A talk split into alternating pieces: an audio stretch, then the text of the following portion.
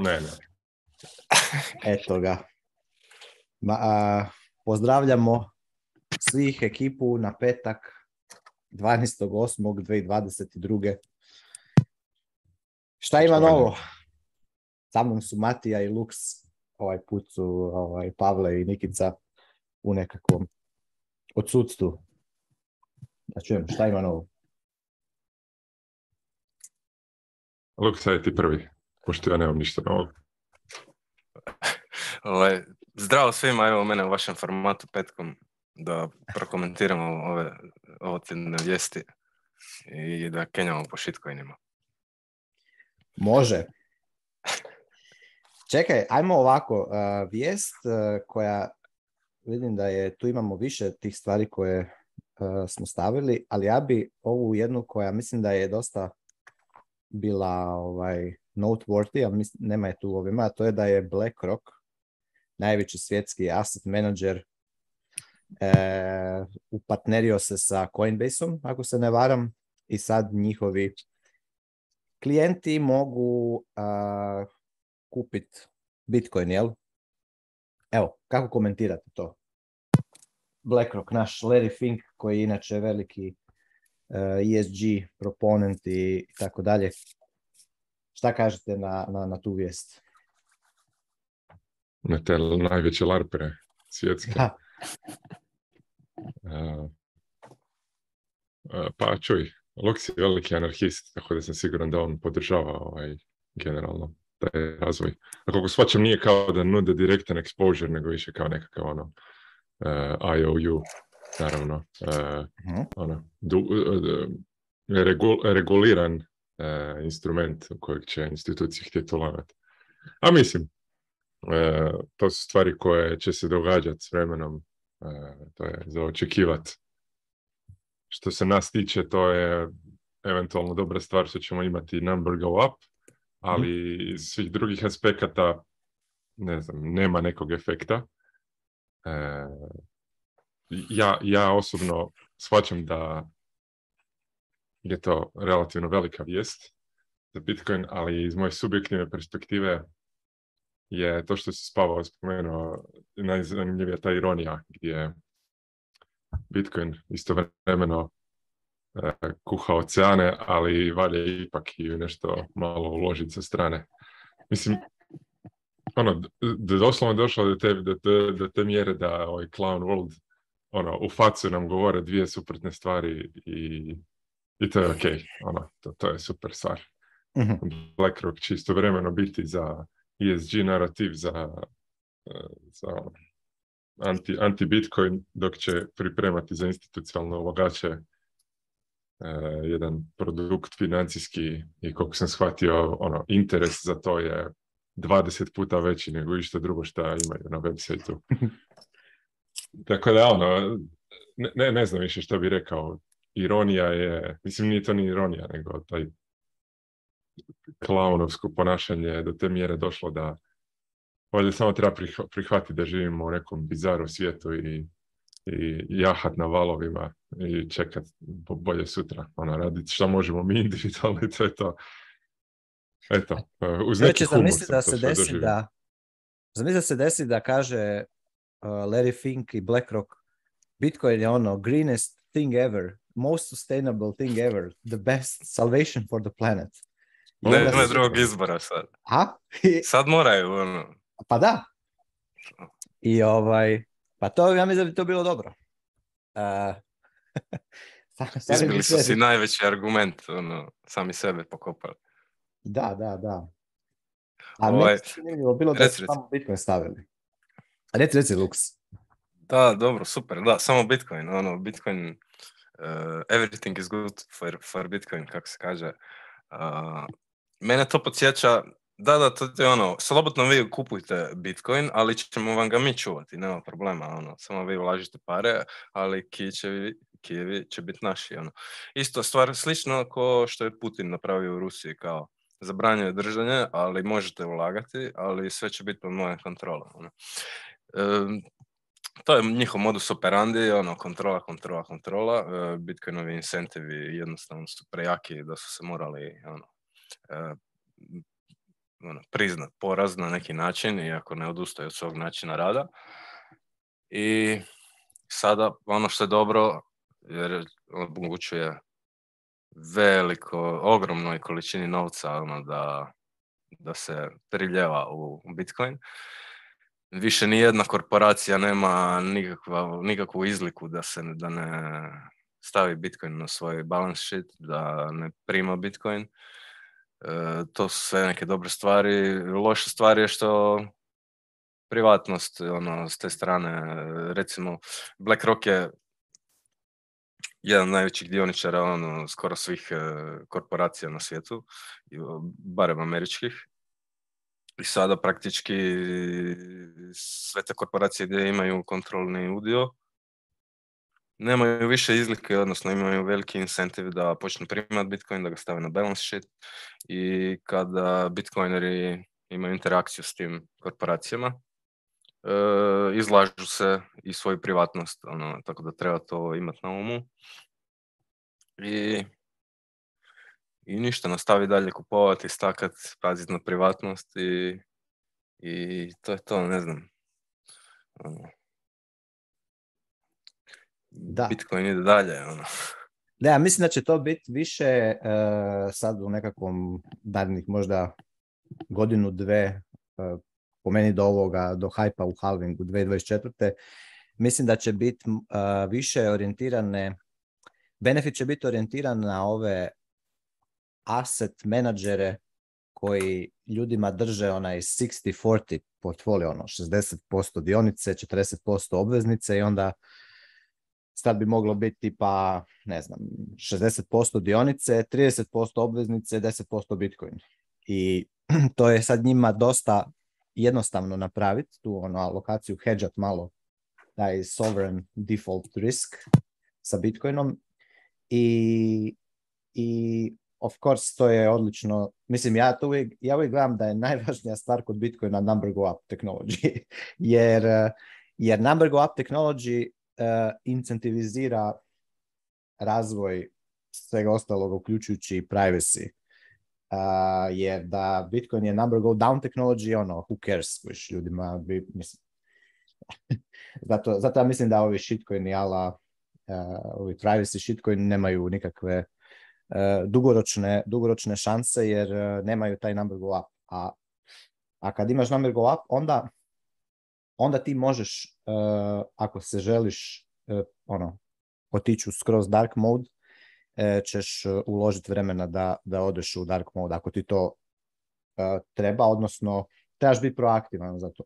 A sad, definitivno ovi, ovi BlackRock klijenti ne, opće, ono, ne razmišljaju o tome, jer ne, oni su naviknuti na fiat sustav, pa nemaju ovaj, niti koncept šta bi bio privacy, jel? E, ono, to su uglavnom i javne kompanije i tako dalje, tako da um, ali opet, e, zato što će to ono, dizat number go up, će posredno imat e, ono, second order efekt će biti puno veći još ono, activity investiranje u, u privacy technology na na, na Bitcoinu. Tako da, ono, sve je good for Bitcoin, ali ja posebno volim kada... E da, i još, još to što, opet, e, to je onako dosta veliki green light sada za još uvijek one koji su koji su bili onako za, sa te regulatorne strane prestrašeni da, da stavljaju e, novce u Bitcoin, jer sad sigurno je, sigurno je da neće, ono, Amerika sigurno neće benat Bitcoin nikad, a ovaj a opet je sve manja šansa da će još neko drugi jer jednostavno ono, game theory je takav, tako da tako da je to, to je, to je po meni jako, jako dobra vijest onako uh, za, za, za Bitcoin adoption i opet ne, mis, njima je najveći problem općenito sada, to slušao sam ovo kratko, Larry Fink i onaj Mark Carney, onaj šta je, onaj globalist, ljudi psiho, pa je ovaj, Larry Fink je spominjao da u principu njima je Bitcoin još uvijek previše thin market, to je previše maleno još, eh, jer realno, eh, realno on može ono, takav veliki slipić napraviti, on može sa, ono, da sad kaže ajmo staviti, ne znam, 100 milijardi dolara u Bitcoin, kuži što to je njima mal, relativno maleni postotak eh, ono, njihovih imovine vrijednosti njiho te imovine koje kontroliraju, a, a to bi eksplodiralo Bitcoin price. Tako da, realno Bitcoin je još uvijek, koliko god se nama čini da je ono, da svi znaju, mi smo ono u tom echo chamberu, ali realno Bitcoin je još uvijek jako, jako malen i e, u smislu likvidnosti i ono, maleni market. Tako da kako, kako on bude rasto, tako će se tek otvarati još puno veći ono sljevovi kapitala u Bitcoin i to je sve e, odlično. Tako da... ja, sam, ja sam isto to gledao, to je on govorio još 2020. prije, znači... da? No, no, da, da, da, to je malo stariji intervju, ali očito im više nije premali, ali Bitcoin je najlikvidnije tržište na svijetu, ono, znači nema te dionice, ono, na primjer, ne znam, možemo sad uspoređivati, ali e, ima milion exchange i i ono globalno 24/7 nema, nema likvidnijeg tržišta nego od, od Bitcoina. Ono. Mhm. Tako da ono, samo nek se priljevalo ovo Tako, tako. Dobro. Koji ste vi gramzivi likovi. Sve samo radi novca. Gle, number go up je, je istovremeno samo možeš gledati na drugom, na naličju fiat go down. Tako da što je više number go up, to je više fiat go down, a fiat mora ići down to zero. Eventually. Eh. Mene zanima kako će ovaj, znači, što je Pavel rekao, ono, s ovim potezom Lekroka šansa da će sada SAD raditi išta protiv Bitcoina je nula, mhm.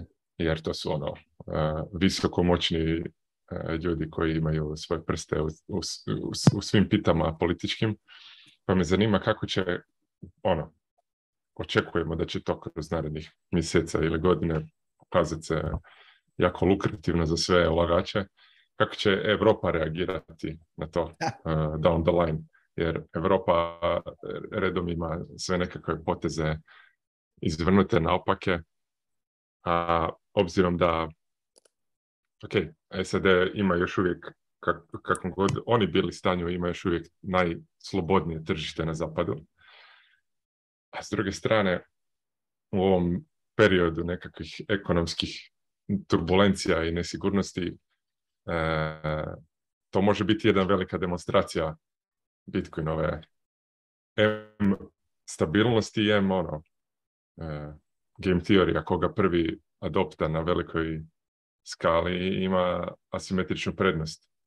Sad, El Salvador, oni su to napravili još prije neko vrijeme, ali oni su jednostavno premali, oni ne mogu imati toliko velike količine bitcoina da, da sad, ne znam ja, preskoče neke od velikih ekonomija, ali zanimljivo će biti vidjeti kako će Europa i što će Europa, hoće li Europa ili neki dijelovi Europe slijediti primjer SAD-a posredno kroz BlackRock ili nekog drugog. To, to će biti zanimljivo gledati. Možda će jedino kraljevstvo prvo napraviti nešto slično. Pa onda tek Europa. Ona, interesantno svakako za vidjet.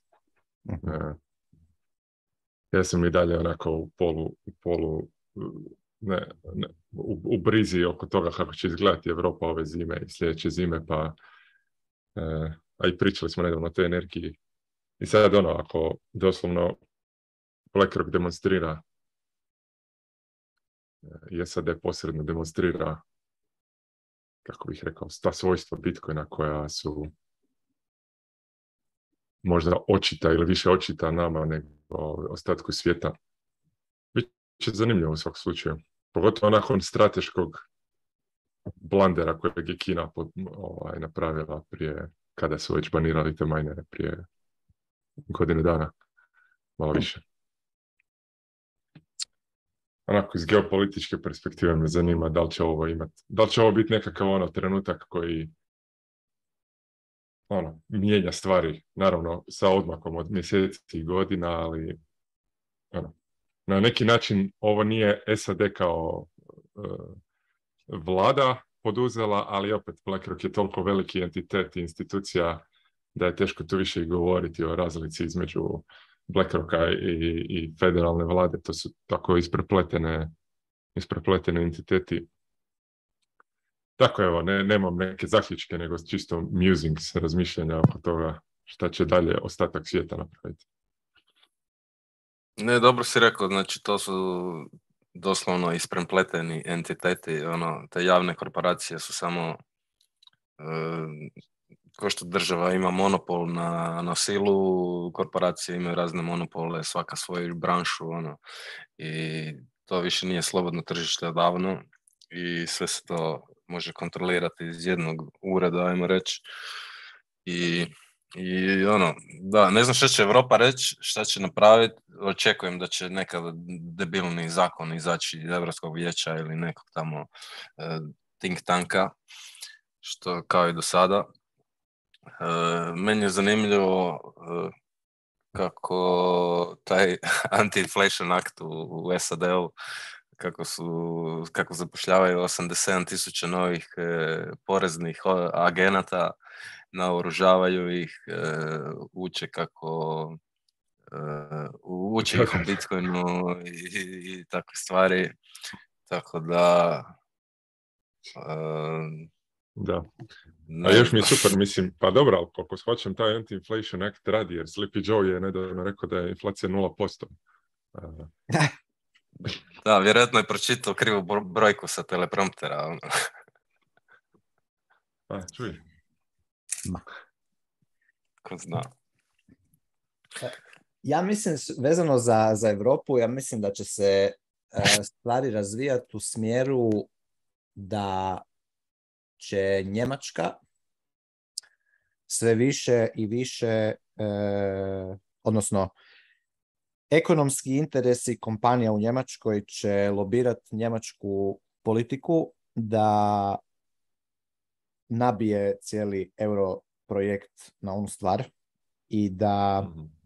da vrati natrag e, onaj deals kojega Njemačka, odnosno da, Njemačka imala sa Iranom i tu je, uh, e, tu je taj e, to je taj potencijalni geopolitički problem tenzija Amerike i, i toga što Amerika u principu zato što je elaj sa, sa Izraelom ne želi da Europa, odnosno Njemačka, kad govorimo o EU, Europskoj to govorimo o Njemačkoj, zapravo jer ona mhm. ono vuče e, ove sve pigs countries, E, Njemačka u principu e, pati ekonomski full radi sankcija koje su Amerikanci nabili na Iran, jer Iran i Njemačka bi htjeli tradati.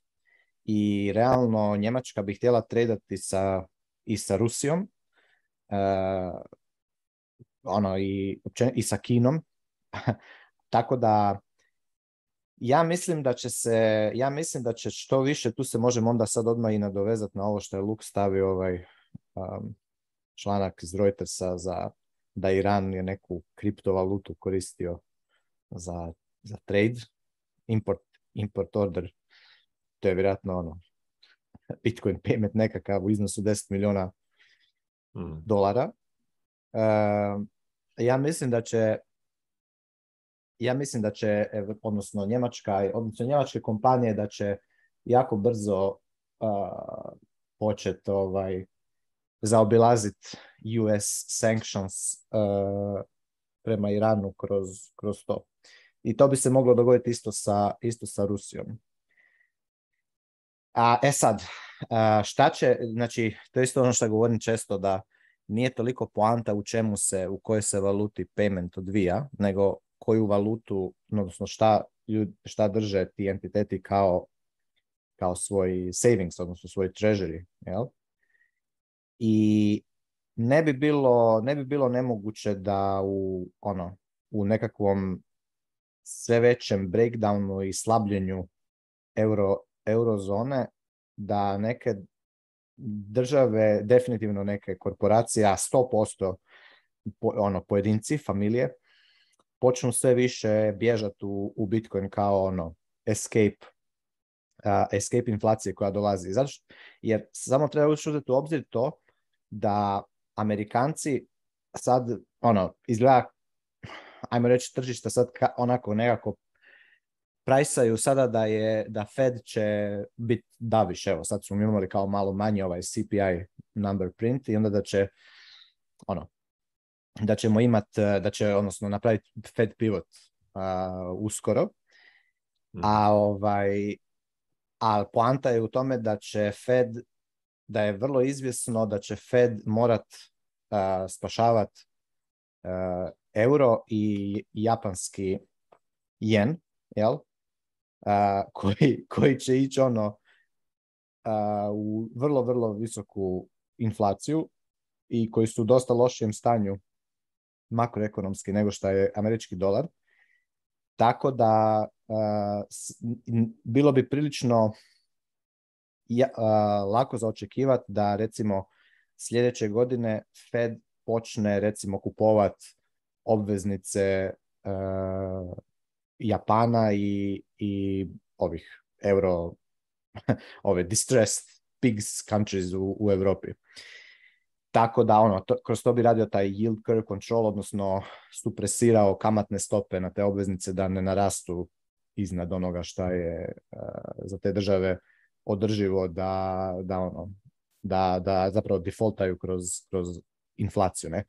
I mislim da će inflacija biti glavni driver e, ljudima za, za ono uletavati u, u, u Bitcoin. Jel? Um, e sad, a s druge strane će taj censorship resistance Bitcoina biti e, ono escape valve gdje će i dalje se održavati te prirodne ekonomske veze u smislu trejda između zemalja koje su koje bi inače bile pod eh, sankcijama američke geopolitike. Tako da ne znam, ali mislim da, će, mislim da je to tako nekakav smjer u kojem se stvari dešavaju i tu ćemo vidjeti šta će se desiti sa Bitcoin privacy i odnosno da li uopće da li uopće privacy u u ovim, na ovim razinama nešto šta šta je, ajmo reći, e, bitno. Jer realno ti možeš, ne znam, ti možeš i trade napraviti e, bez da pomakneš kojim sa, sa, sa blockchainom. Ono.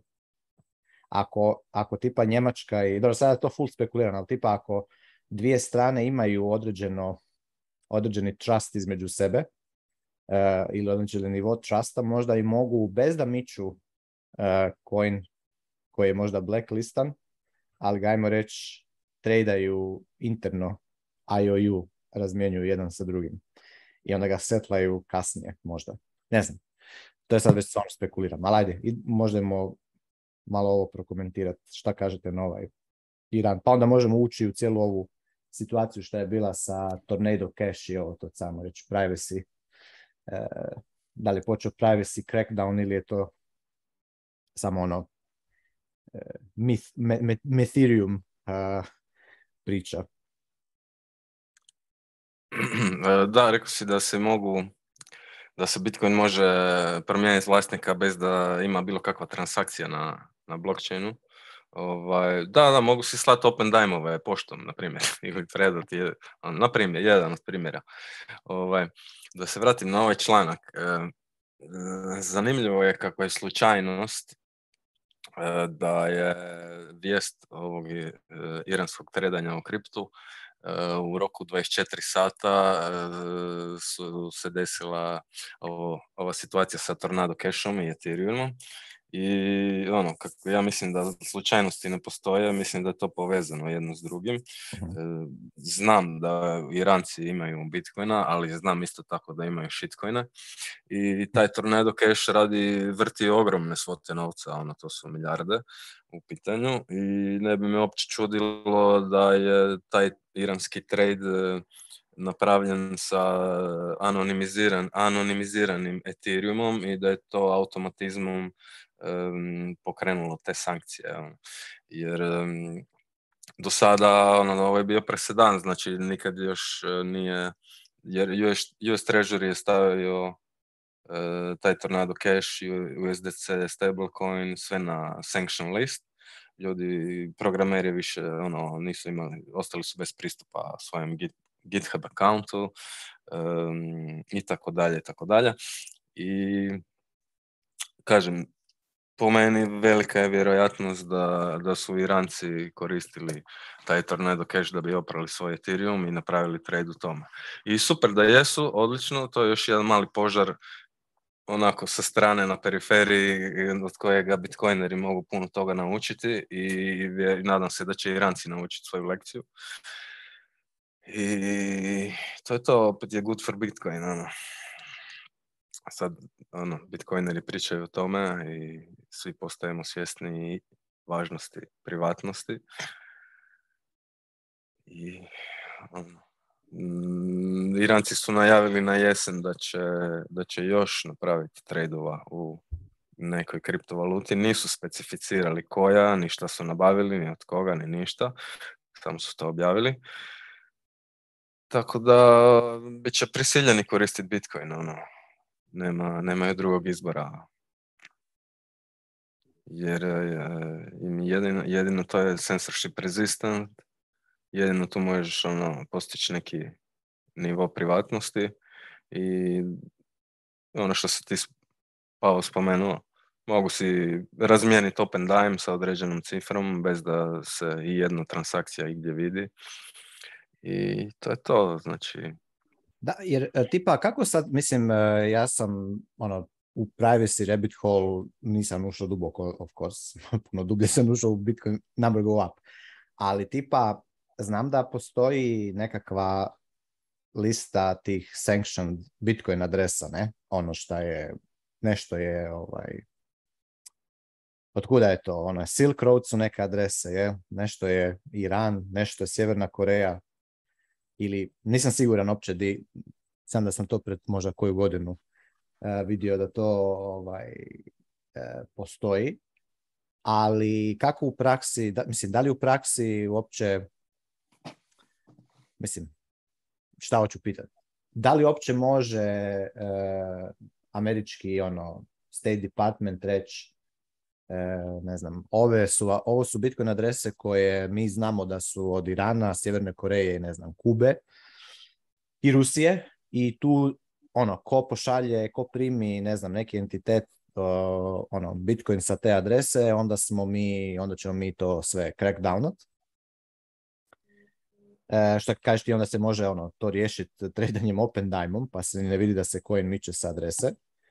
Ali ima i drugih načina. Ima i drugih načina, da. Ali hoću reći e, koliko je, koliko je to koliko je opće tih, ti Lux vjerojatno znaš bolje o tome, koliko je, koliko je tih adresa opće, e, koji su ono blacklistane? Gori za Bitcoin nemam, Nemam pojma iskreno, ne znam, ne znam stvarno. Ovaj, ja isto ko ti načuo sam sve to i ne znam konkretne podatke. Ali e, postoji način znači, od coinjoinanja do možeš oprat milijarde sa jednim Lightning channelom preko svog noda. Ono, da, I sa, tako da ima načina za privatnost ono, i, da se izgubi trag u nepovrat. Dovoljno ti je ima dva noda i slaci preko jednog channela sa jednom na drugim putem submarine swaps i zauvijek je izgubljen trakt od Bitcoinu. Ono. Da, da, da, jasno a još će, još će više to biti ono kad e, ono, se taprut još više uh, proširi kad se počnu ovi fe, fediminc, ne, ovi federated šomijan uh, e, minc uh, koristiti na ono, nekakvoj široj razini kad se anonimiti set generalno još poveća. Mislim, znam, sjećam se, ja sam na ovaj, jedno vrijeme koristio Wasabi wallet, tad sam ono, jedno, a to je trajalo jedno par mjeseci kad sam redovito ono coin joinao te svoje uh, eh, utx pa sam eh, tad sjećam se tih nekakvih fadova koji su bili kao da, da, coin joinaš, onda ćeš pomiješati svoje, svoje coinove sa nekima tamo, ne znam, terorističkim coinovima pod navodnicima, pa ćete onda, ne znam, šta nešto napraviti, neće ti exchange to primit, whatever, ali mislim da, da, da nema u biti, da, da ta decentralizirana priroda Bitcoina tako, koja stvarno je takva kakva je, da ona doslovno ne, ono, priječi, priječi e, države da išta zapravo praktično naprave. S druge strane vidiš ovo sa, sa tim Tornado Cashom, iako je ono, taj protokol sam po sebi ono, permissionless, ali nije censorship resistant čisto zato što Čisto zato što ovaj, eh, koliki, koliki postotak cijeloga tog eh, Ethereum networka koristi ovoga Infura i onaj uh, Alchemy, jel? I kužiš ti jednostavno mislim koliko će tih Ethereum ono true believera actually uh, sad iću nekakav censorship resistant mode ranat svoj full node i, i ono tako dalje jer opet će ima problema sa likvidnošću tih svojih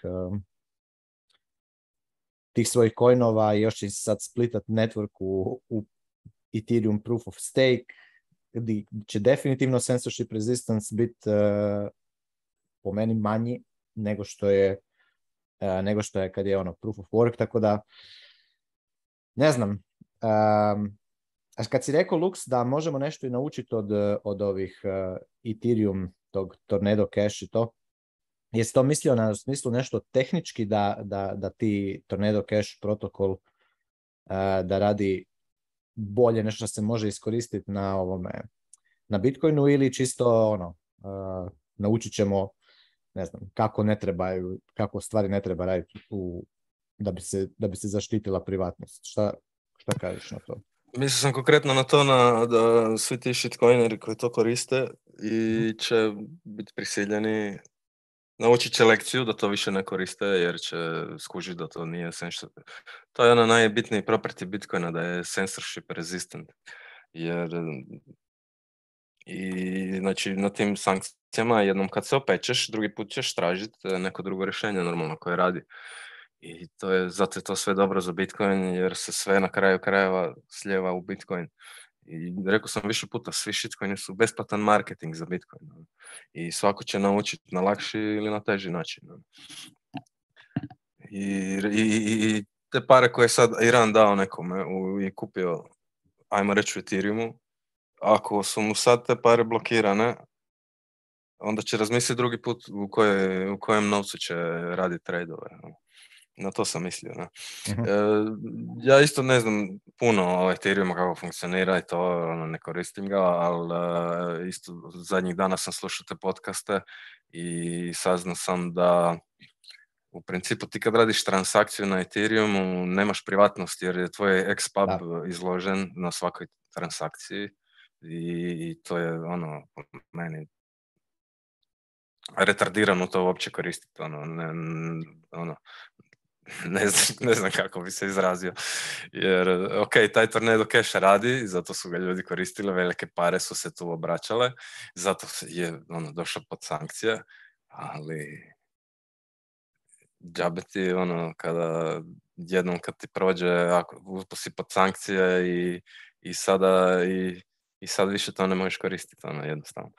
E, ne znam šta bi rekao drugo. Zanimljiva mi je bila Game Theory se pokazao opet neki, neki pametnjaković se našao svakomu čast koji je odjednom počeo sve te tainted Ethereum eh, pod e, sankcijama slat na, na sve poznate adrese, ono malo po malo i, i ono eh, shit hit the fan, evo tebi malo, dajmo malo. Zanimljivo, zanimljivo. To je ono game theory in real life i in real time. I ono, E, eto vam, naučite lekciju ili ono, get da, još su i GitHub akaunte e, ovih kontributora u Tornado Cash pobrisali. By the way, ko ne zna, Microsoft je kupio GitHub, tako da i tu dođe i tu dođe cenzura. Ali e, ajmo, ajmo ovako da idemo malo adversarial razmišljati e, u smislu, u, opet u Bitcoin smislu. Recimo da dođe, da dođe US State Department i kaže e, mi saspektamo da ljudi koji coinjoinaju koristeći recimo Wasabi i Samurai Wallet, ajmo reći e, stavit ćemo na listu sankcija ta dva softvera koji, koji ono, koriste se za coin, coin joining. Kako bi to, šta bi onda, kako bi se Bitcoin of censorship resistance a, tu pokazao kao ono actually resistant na, na, na takvu jedan, recimo teoretski takav jedan potez Amerikanaca.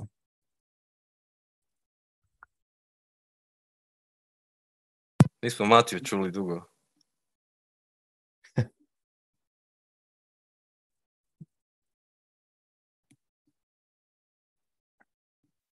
si rekao također kako je... Evo, dođe US State Department kaže ono, ko koristi wasabi i, i ovaj klinac od eh, samuraj, ajmo to, to je ono, violates US sanctions law. Stvari tome što eh, koliko daleko možeš pratiti trag nekog uh, zaprljenog kojna veliki problem sa Tornado Cashom i sa, sa Ethereumom što ima koliko god oni na papiru imali tu proof of work, decentralizaciju, svi znamo da imaju jako uska grla u, vidu infure, pogotovo, gdje znači, jedan od tih RPC providera najvećih je infura i onda oni mogu gasiti pristup API-u Ethereuma po, po želji svojoj. Bitcoin nema toliko centralizirane RPC-eve. Bitcoin ih ima, samo Bitcoin Core ima, ne znam, sjetke tisuća aktivnih e, e, takvih kanala. I mene zanima isto jedna stvar, čak i bez coin joinanja i takvih stvari, što se dešava ako, mislim, znači imamo te internu adresu. Što koliko dugo je se može pratiti njezin, njezin tent. Da li ako ja otvorim onda 30 drugih adresa i samo radim hopove s jedne na drugu, da li je sljedećih 30 tentova. Što se dešava kada inficiram veći dio mreže? Šta ako u svakom koraku bacim, ono, bacim pola svog iznosa na novu adresu, pola na Coinbase, možda Coinbase to neće prihvatiti jer je, jer je, jer je, jer je prljavo, ili operem pod navodnicima kroz Lightning ili CoinJoin. Mislim, stvar je u tome da uvijek postoji sljedeći korak kojeg mogu poduzeti. Čak i najjednostavniji samo slati sa jedne, e, sa jedne adrese na drugu unutar istog voleta. Ja mogu napraviti ono 50 hopova. I sad, kroz chain analysis e, metode to je relativno lako pratiti, ali da li itko to radi u real time? Da li to itko ima setapirano da, da može takve stvari pratiti. Ako sam i ole ovaj pametni i radim ono CoinJoinove kroz ono repetirane repetirane ovaj, tumblove, kako ih još zovu. I što je više korisnika tog servisa, ja jednostavno svojim prljavim coinovima inficiram sve više i više mreže. I onda se počinje dešavati taj game teoretski dio kao u širenju virusa u pandemiji. Šta se onda dešava kada moji coinovi, moji UTX-ovi počnu inficirati stotine i tisuće drugih? Ono, koliko je praktično e, gasiti sve? Da li možeš zaustaviti širenje pandemije? Mislim, na kraju krajeva imamo primjer u, u fizičkom svijetu šta se desi kada imaš pandemiju koja je uz, uz sve namjere naše da je zaustavimo jednostavno nezaustavljiva. I onda moj odgovor iz te perspektive na tvoje pitanje, Pavel, šta bi se desilo da State Department ili nekakav takav veliki moćni entitet odluči ono, odlučno stati na kraj uh, coin joinovima, pa ne vidim da bi to imalo neki efekt. E, e, izrasto bi neki treći, treća varijanta joinova koja ili na kraju krajeva Fedimint projekt bi se ubrzao i počeli bi ljudi E, ono, e, ne želim puno koristiti taj izraz, ali moram ga koristiti jer jako ispravan, prati taj novac. Da, da, Pranje, novca, pranje novca podrazumijeva kriminalne aktivnosti, ali poante da to je ono, ono čemu, čemu se već i pričalo e, ono, riječnik koji koristimo u Bitcoinu, ali poante da način da se ili namjerno zaprlja čisti dio mreže ili opere novac kroz ono, taj, taj te različite metode, jer kažem, CoinJoin je jedan protokol koji je samo eh, jedna od implementacija tih pranja, nije jedina moguća. I eh, način na koji bi onda State Department ili bilo tko drugi pratio da li netko CoinJoina novac ili ne, CoinJoina Bitcoin ili ne, sutra bi isti ti samuraj developeri mogli napraviti protokol koji je dovoljno sličan, ali nije sasvim isti da, da pobjegnu to. A, a svi znamo da bi potražnja u tom slučaju bila ogromna za tim, e, za takvim uslovama. Baš, baš onda kada bi, jer sada puno ljudi, čak i u Bitcoinu, vjerojatno razmišljaju o tome kao, da, da, super je ta privatnost, CoinJoin je super cool stvar, jednog dana ću doći do toga, kao za sad nije toliko važno. I, realno ni nije. Mislim, jako malo, malo ko od nas mora razmišljati o tome, joj, je li moja adresa na kojoj je Bitcoin oprljava e, prljava ili ne, jer ja nisam čuo, barem u nekakvom praktičnom, normalnom životu, da ljudi koji drže Bitcoin na, ne znam, na Coinbase-u, pa, pa ga prebace na wallet, pa ga vrate na Coinbase, pa šta god da je iko od njih sankcioniran. Znači, ok, zato što još nema takvih e, sankcija, ali kada bi zaista postojalo nekakav neka autoritativan, autoritativni dekret koji bi rekao svako ko koristi ovo servis pokušava ganjati privacy će biti sankcioniran, to bi odmah u desetero potrebu za privacy i onda bi projekti poput, poput CoinJoinanja ili Fedemince ili nešto bili samo dodatno, dodatno potaknuti da se ubrzaju, da, da jednostavno ovaj, e, posluže korisnike. Tako da, evo i ovo što se sad, ono, USDC has officially blacklisted every Ethereum address. Mislim, to su sve stvari koje, mi mislim, već uvijek znamo, ono, govorimo istu stvar. To je sve centralizirano i samim time moguće ali, ali i, i, kad govorimo centralizirano, ne mislimo nužno da je na papiru centralizirano, jer na papiru je Ethereum decentraliziran. Ali ako ti u praksi imaš e, jedan, jednog RPC providera koji, ne znam, e, ono, E, je defaultna postavka na Metamask walletu koji koristi 99% Ethereum korisnika, premda to tehnički nije centralizirano, u praksi je. U praksi je. I, e, a Bitcoin nema to. Nema, nema tako. Mislim, kogod koristi e, Bitcoin on-chain, jednostavno nema takvih, nema takvih uskih grla, barem ne sam ja svjestan. I zato mislim da E, bilo kakav takvo takav potez koji bi negdje pokušavali se sankcionirati slično kao Tornado Cash, jednostavno ne bi uspio zato što ne postoji jedno usko grlo ili dva koje je moguće zagušiti, nego kako ono, ubiješ jednu u glavu hidra i zraste ih tri mhm. nove. Mm.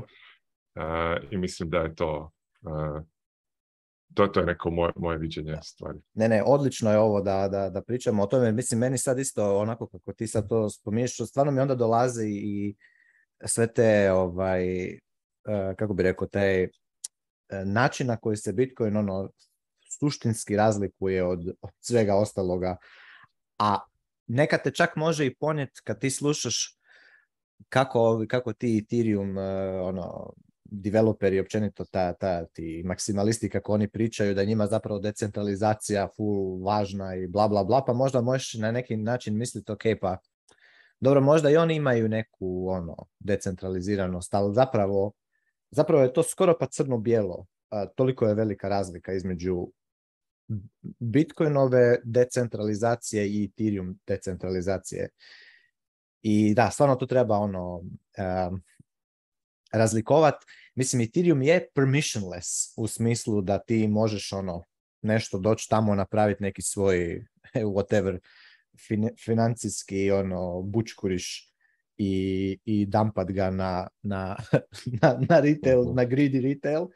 A, I da u tom smislu je, imaš permissionless nekakav sustav da, za, za takve stvari raditi. ali da je censorship resistant definitivno, definitivno nije. ali nije, nije li to onda oksimoron? Ne možeš biti permissionless i censorship non-resistant. Jer sutra Ethereum Foundation može reći, da. ok, zato što je previše rak pulova se desilo sa ovim, o, mi ćemo jednostavno taj dio koda koji to dozvoljava oditat i, i sad će biti permission. Znači, e, ono, da, stvari su decentralizirane i permissionless dok god da, autoritet to dozvoljava. E, tako da, ja mislim da i ti developeri koji su na Ethereumu, ja vjerujem da je puno to ljudi i ono, i naprijano ideal, idealista, idealista e, koji ono, nevjerojatna stvar, mogu, možemo programirati world computer, ono, imamo Turing complete, uh, blockchain, nevjerojatna stvar, ono, jednostavno, totalno smo svi ludi, ali i, i kažem opet, opet ponavljam, na papiru, tehnički to je točno, ali eh, su, to je drugčije, ono, drugčije, ono, je li Bitcoin sa istim tehničkim počelima koji sad decentraliziran ako ja imam sve minere i nodove. Da, tehnički je, ali znamo svi da da to, to jednostavno ne bi... Zato mislim da, da puno tih Ethereum developera su vrlo mladi, nabrijani i pametni ljudi koji, su, koji žele programirati, promijeniti svijet i raditi u tim novim tehnologijama zato što zbog fucking e, nema, nema mjesta gdje oni mogu ići programirati uzbudljive stvari zato što Google od, od, sredine 2000-ih, Microsoft, ne znam, Apple od 90-ih i 80-ih, to više ne postoji. Nema više high-tech promising kompanija gdje neko može sa softverom promijeniti svijet, pa onda ljudi kažu aha, to je kripto danas. E, a to je, ta neka zamka u koju ljudi, ljudi mladi ljudi upadaju. I onda zato što, zbog tega nekog naivnog idealizma se dešavaju stvari da ono, ljudi jednostavno kupe obećanje, prodaje im se obećanje nečeg što nije sasvim točno. Zato što nema pravih da. high-tech proizvoda na kojima neko može ići programirati. E, htio sam samo reći, znaš šta, kad sad spomenuo ovo za, da Bitcoin mineri, da su recimo svi mineri, zamislimo sada situaciju da doslovno jedan čovjek, ne znam, Larry Fink ili neki Rothschild, kogod, da je vlasnik svih minera u cijelom svijetu, svih Bitcoin minera. Opet je Bitcoin decentraliziran zato što ako on izmajna blok u kojem napravi, e, u kojem prekrši E, konsenzus, znači recimo da je zmajna više nego što je konsenzusom predviđeno u tom blok hajtu, Full nodovi će jednostavno pljunuti taj blok u smeće. Prema tome, e, da, to je isto se tako često, često isto naletavam na taj, na tu isto ono, ljudi govore za Bitcoin mining kao da je centraliziran, kao da je to problem. Ne, to nije problem. Uopće opće zapravo nebitno ko, ko, ko na mining rigove. Bitno je samo jedina, jedina metrika decentraliziranosti koja je relevantna u Bitcoinu u ekonomskom smislu, a onda posredno u svim drugim smislovima je koliko, je, koliko se full nodova rana i koliko je lako i cost, ono, koliki je cost of running full node, koliko je cost of verification. Odnosno da budem još precizniji, kolika je asimetrija između cost to produce Bitcoin versus cost to verify. A ona je enormna. Uh, sad i s vremenom je samo sve veća i veća. S vremenom kako je sve, sve lakše i lakše je arguably ranat full node na, na Bitcoinu, a sve teže i sve veći i veći hash rate ti treba za, za proizvest uh, Bitcoin blok. Uh, znači ta asimetrija samo raste. Dok obrnuto se događa recimo na Ethereumu. Evo recimo nešto kao ono, edukacijski mali moment. Znači na Ethereumu je, pogotovo kad krene u, proof of stake, je sve lakše zapravo produsat ekstra Ethereuma, ne? znači inflatat uh, supply, a sve teže je, sve teže je verificirat uh, taj supply. I ako recimo usporedimo ono čisti fiat sustav, Znači, mi nema, nemamo pojma koliko je, koliko je u biti e, dolara ili eura proizvedeno u bilo kom trenutku. Mi to imamo nekakvu aproksimaciju, ali nemamo nikak, ono, cost to verify je toliko strahovit i enorman da šta, evo, ja bih sad htio znati koliko je u Fort Knoxu e, zlata ili koliko je, ne znam, bilo gdje. To, to, ne, ono, koliko bi me koštalo to actually verificirati. A ovaj, ono, a kod Bitcoina je obrnuto, tako da, da. Ne, ne, super, baš mi se sviđa ovaj ovako malo edukativnog sadržaja, ovaj, uvijek je dobro se na to povratiti. Ove situacije su super za, za to. Ovaj, prije nego krenemo dalje, ja bih dodao samo to je jedna od fundamentalnih razlika između Bitcoina i Ethereuma, što je trivialno ranat node u Bitcoinu, može to raditi svako, a u Bitcoinu je gotovo nemoguće. E, to je isto važnost e, ono Bitcoin Independence Day-a kada, kada su useri prije pet godina izborili small block size, e, i to je ono vjerojatno fundamentalna razlika. Jer e, i Ethereum je permissionless ako, radaš, ako ranaš svoj nod, ono, ne može ti niko cenzurirati transakciju.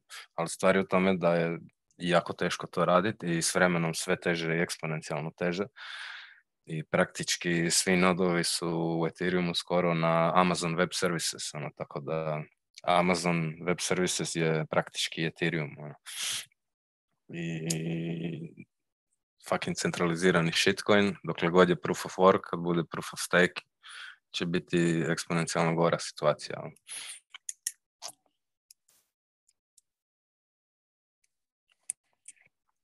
to što hardware za... Sorry. E, mislim da neki 15 do 20 tisuća dolara uh, košta hardware za Ethereum node ranac danas i to samo raste. I... A sa Bitcoinom imamo, ano, kažeš ne, mož, ne možemo verificirati koliko postoji dolara, koliko bi koštalo uopće to saznat. Bitcoin ima get transaction outset info komandu koju je fino u svom Bitcoin core instanci uh, utipkaš i za jednu minutu on ti ispljune fino točan broj Bitcoina na mreži i to je nepogrešivo i uvijek će doći isti rezultat neovisno o tome koja mašina pokrene to i to je jedna od divnih stvari što razlikuje Bitcoin od drugih. Ima još, ima još jedna stvar, možda sad da je samo spomenem, što je svojstveno, ti, si Pavo na samom početku spomenuo kako neki drugi privacy koji nemaju number go up, e, a oni nemaju number go up zato što jednostavno je adoption i manji E, premda su e, recimo najveći od njih je isto proof of work, znači isto ga se majna. E, stvari kod proof of worka, zato što je tako energetski gladan, je što je to jedna od, jedan od setapa gdje će winner takes all ili winner takes most uvijek biti. Zato što ako ja posjedujem hardware koji heša transakcije, e, to jest heša ono, majna kroz hashing, ja, meni je u interesu spojiti se na onu mrežu koja je najlukrativnija za mene. I samim time, e, ako nisam na Bitcoinu, gdje je number go up ono, dramatičan, ja gubim novac i profitabilnost. To sam samo ovako htio jednu stvar reći sad kad sam ono, spominjao te neke stvari gdje možemo jako lako revidirati i e, ne revidirati, ali ono, oditati, da, revidirati blockchain Bitcoina e, sa samo nekoliko komandi i to je toliko jednostavno da ti treba računalo možda od 100 dolara, možda 200. E, ostalom, čak i moguće i bez velikog ono, hard diska imati one takozvane pruned, nodove, gdje se umjesto 450 ili sad blizu 500 GB blockchaina skine samo neka određena količina, znači najrecentnijih dva tjedna, dva mjeseca, dvije godine. Da, tako ja imam na svom laptopu core koji e. je prunan na, mislim, 6, 6 zadnjeg. E, I to je sasvim validan nod za 99,9% da. E, i još samo da, treba, treba tu naglasiti da čak i nije, znači to isto onako funkcionira kao onaj mutually assured destruction u, nuklearnom naružanju. Čak i, znači ti kad, kad je toliko jednostavno ranat full node, toliko je jednostavno verificirat uh, Bitcoinov supply i ono integritet svake transakcije, baš zbog toga što je toliko jednostavno nema incentiva, odnosno incentiv je strašno uh, na negativno da neko ide mess, mess around with uh, ono, supply. Uh, zato što je meni toliko, znači ja onda mogu zapravo i, jer većina ljudi, neko će sad opet neki Ethereum head će reći, da, ali i dalje većina ljudi ne rana full node na Bitcoinu, što je istina. Većina ljudi koji imaju nekakav mobile wallet, uh, accessaju tuđi uh, full mode, ne? znači ne znam, mempool ili bilo, ono, ima ih. Ali upravo u tome je poanta, zato što te, te kompanije koje ranaju Bitcoin full node, mi Bitcoineri možemo visoko, visoko povjerenje imati da one neće ono meni servirati uh, krivu transakciju zato što nemaju apsolutno ništa za dobiti s tim, a mogu izgubiti apsolutno praktički sve. Kompletan svoj biznis model može ono preko noći eksplodirati zato što e, se saznalo da oni ono serviraju krive, krive transakcije, a ako ono svako, praktički svako ko ima pristup kompjuteru i internetu, bilo kakvome može uh, at full mode i verificirati. Tako da ta velika asimetrija, opet e, cijene verifikacije versus cijene ono proizvodnje novih, e, novih bitcoina je toliko velika da nikome se ne isplati ono tu mess around. I čak i da je opet, još sam jedan put da spomenem za one koji, kojima još uvijek to nije skroz jasno, čak i da je mining, znači da svi su mineri centralizirani u smislu u ownership, svi imaju jedan ono, neko, neki entitet je uzeo sve minere i on sam majna i taj, taj jedan entitet koji majna nema apsolutno nikakve, nikakvog ekonomske koristi da majna van konsenzusa, zato što puši oportunitetni trošak kapitala koji je potreban da bi se majno. Jer to je ono što je, što je proof of work. Proof of work ti ne možeš samo prdnut van i, i kreirat, uh, nač e, ono, nonc u, u, u heširanju. Mhm. Ti moraš ekspendat e, work jel? Ti moraš konvertirati energy u vremenu, moraš work napraviti, a to košta. I zašto biš ti uh, bacao, bacao novac kad ništa s time ne dobivaš, jer te full nodovi samo ono, odbace, uh, e, odbacati taj tvoj blok, a s druge strane imaš toliko za gainat ako, ako se držiš konsenzusa. Zato što ako, ako se držiš konsenzusa, ako majnaš uh, ono honestly, E, Full modovi će ti uključiti tvoj blok u, u blockchain i od, praktički će kupiti od tebe, uh, tebe taj blok. I onda ćeš zaraditi pare. Tako da, ono, baš je ono beautiful uh, design u smislu da, da, kras, Bitcoin je tako krasan. da, imam da ćemo Sorry što sam te prekinuo. Imam feeling da ćemo sljedećih 100 godina se diviti tom beautiful designu. Ono. da. Vjerojatno postoji nekakva kritična, kritična masa e, distribucije nodova kada je očekivana vrijednost noda za e, pošteno ponašanje postane veća nego očekivana vrijednost za nepošteno ponašanje. I Bitcoin je odavno Mislim, od uvijek je, ali odavno je jako daleko prešao taj, to, limit. Jer bilo, ko, bilo koji ono pre-mind, e, coin ili blockchain koji je počeo od izuzetno centraliziranog e, na kraju kraju Bitcoin je tako počeo na jednom laptopu, vjerojatno jedne osobe, e, ima ima, ima ekonomski incentiv i veću vrijednost da manipulira ishodima uh, blockchaina, najnanja čega god.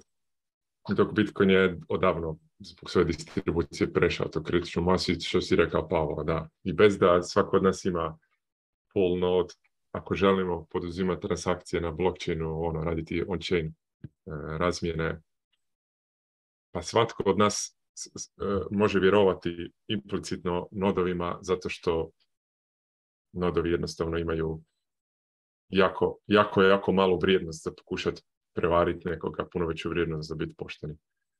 I to je jednostavno kritičan trenutak u kojem, ono, ne znam ja točno, to bi vjerojatno se moglo napraviti nekakve statističke modele, ali postoji vjerojatno jedan trenutak kada distribucija jednostavno preraste ono jednostavno liniju korisnosti varanja i liniju korisnosti poštenja, ona jednostavno je preraste i mislim da je Bitcoin za nekoliko ono, faktora od deset veći od, od više distribuiran od toga.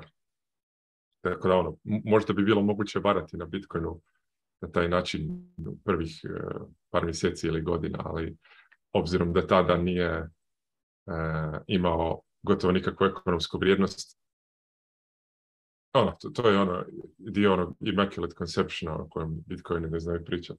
Ne samo da je dizajn super, nego je i trenutak u, u, vremenu i, i zeitgeist društveno bio savršen da bi on mogao 2022. biti ovo što je. Yes, yes. Šta ima dalje?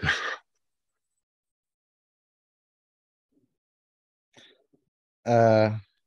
evo, ja gledam Luxov ovaj, e, popis. Možda nam je ovo shift malo na skroz nešto drugo. Coinbase. Šta? Hvala Nema se shift da, li, Ajde, Lux, prokomentiraj malo ovo, se stavio ovaj link. Šta kažeš na ovo? E, kažem, niš posebno ovaj, kako je sezona kiselih krastavaca, pa ovaj, sam stavio ovaj članak. E, to je opet ono, vraćam se na game theory in real time. E, ljudi sve više kuže Coinbase je godinama već jedna od najomraženijih kompanija u Bitcoin spaceu sa razlogom i puno su radili kontra Bitcoina, bili su dio New York agreementa i tržište ih kažnjava jednostavno. Ono, mislim da je BlackRock tu iskoristio situaciju kojim bez nije imao drugu. To je možda jedan od načina na koji se pokušava spasiti i da budu BlackRockov e, technology department. I nadam se da će se isto stvar desiti i BlackRocku.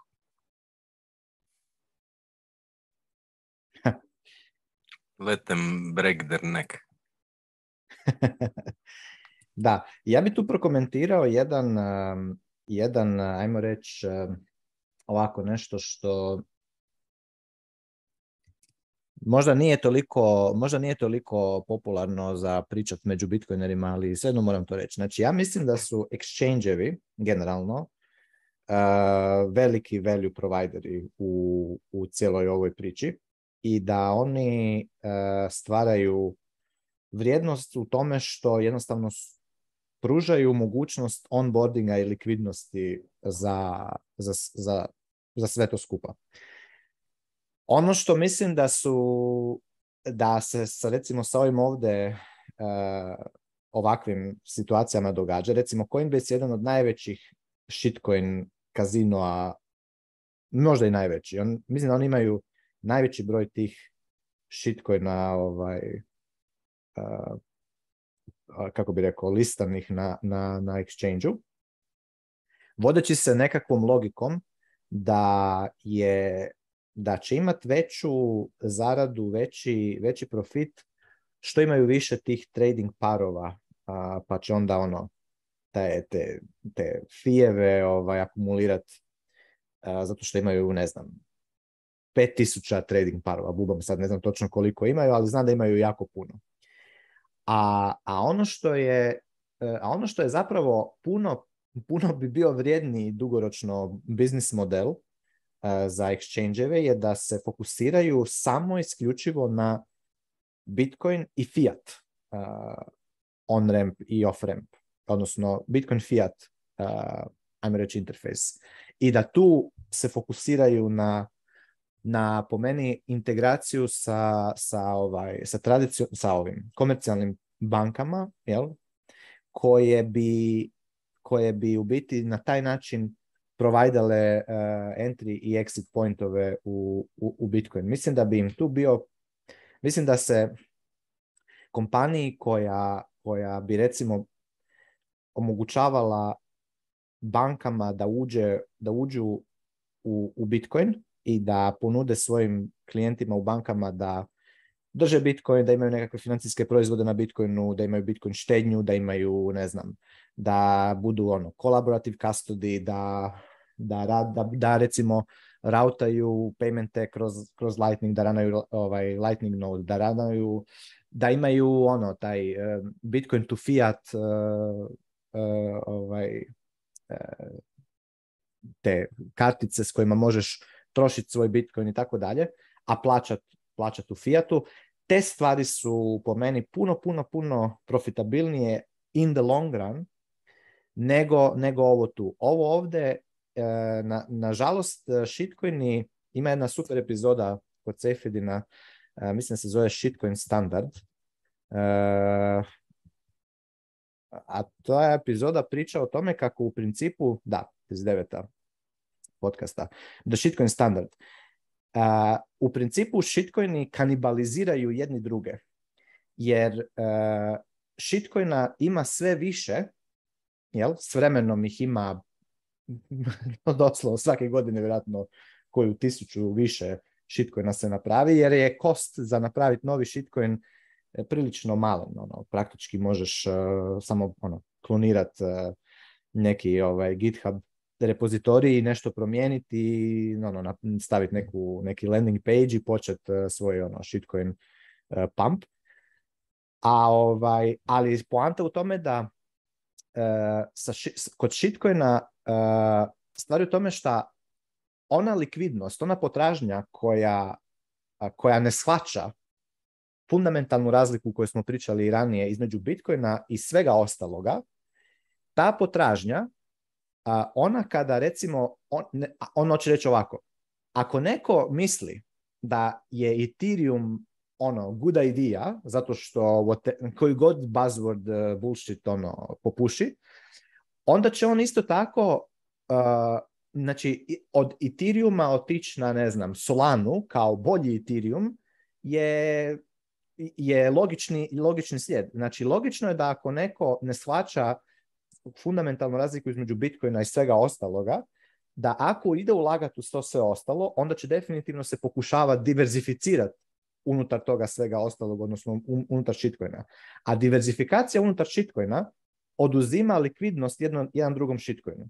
I onda zapravo taj, ta, ta, ta likvidnost se ono spreading thinner and thinner and thinner na sve te moguće e, shitcoine i i dovodi do toga naravno da, da, da kompanije koje pokušavaju, kao što je Coinbase, koje pokušavaju zapravo svoj poslovni model bazirati na zaradi, na arbitriranju ono, između exchange rate različitih shitcoin parova, uh, strahovito e, kompliciraju svoj ono operacije operacije tih tih e, ovaj E, tih exchange jer ti ono, moraš suportat ogromne količine tih, e, tih shitcoina.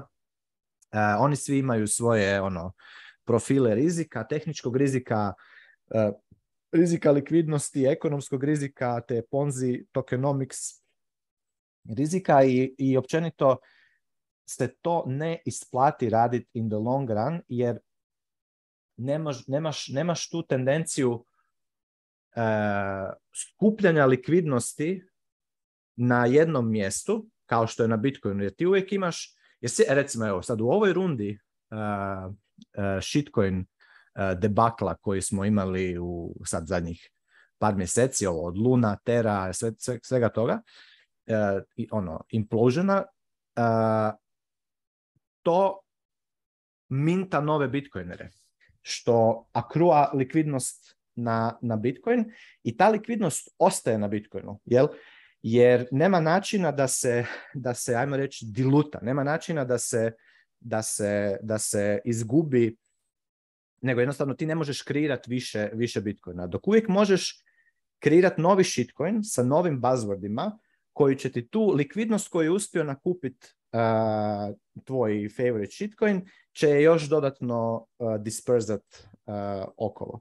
Zato ja mislim da je, da je ovaj Coinbase, uh, da mu je poslovni model banana. Mislim da će ih zapravo BlackRock s ovim što će, šta će on ovaj, napraviti veliki ono, entry point u Bitcoin zapravo im spasit eh, ono, kompaniju praktički, jer mislim da su se oni toliko zakopali u, ta, u taj ono, shitcoin land da, da je baš eh, baš će se morati vratiti na pravi put. A s druge strane, jako puno ljudi je, je ovaj, uh, ušlo u Bitcoin preko Coinbase-a, iako ono,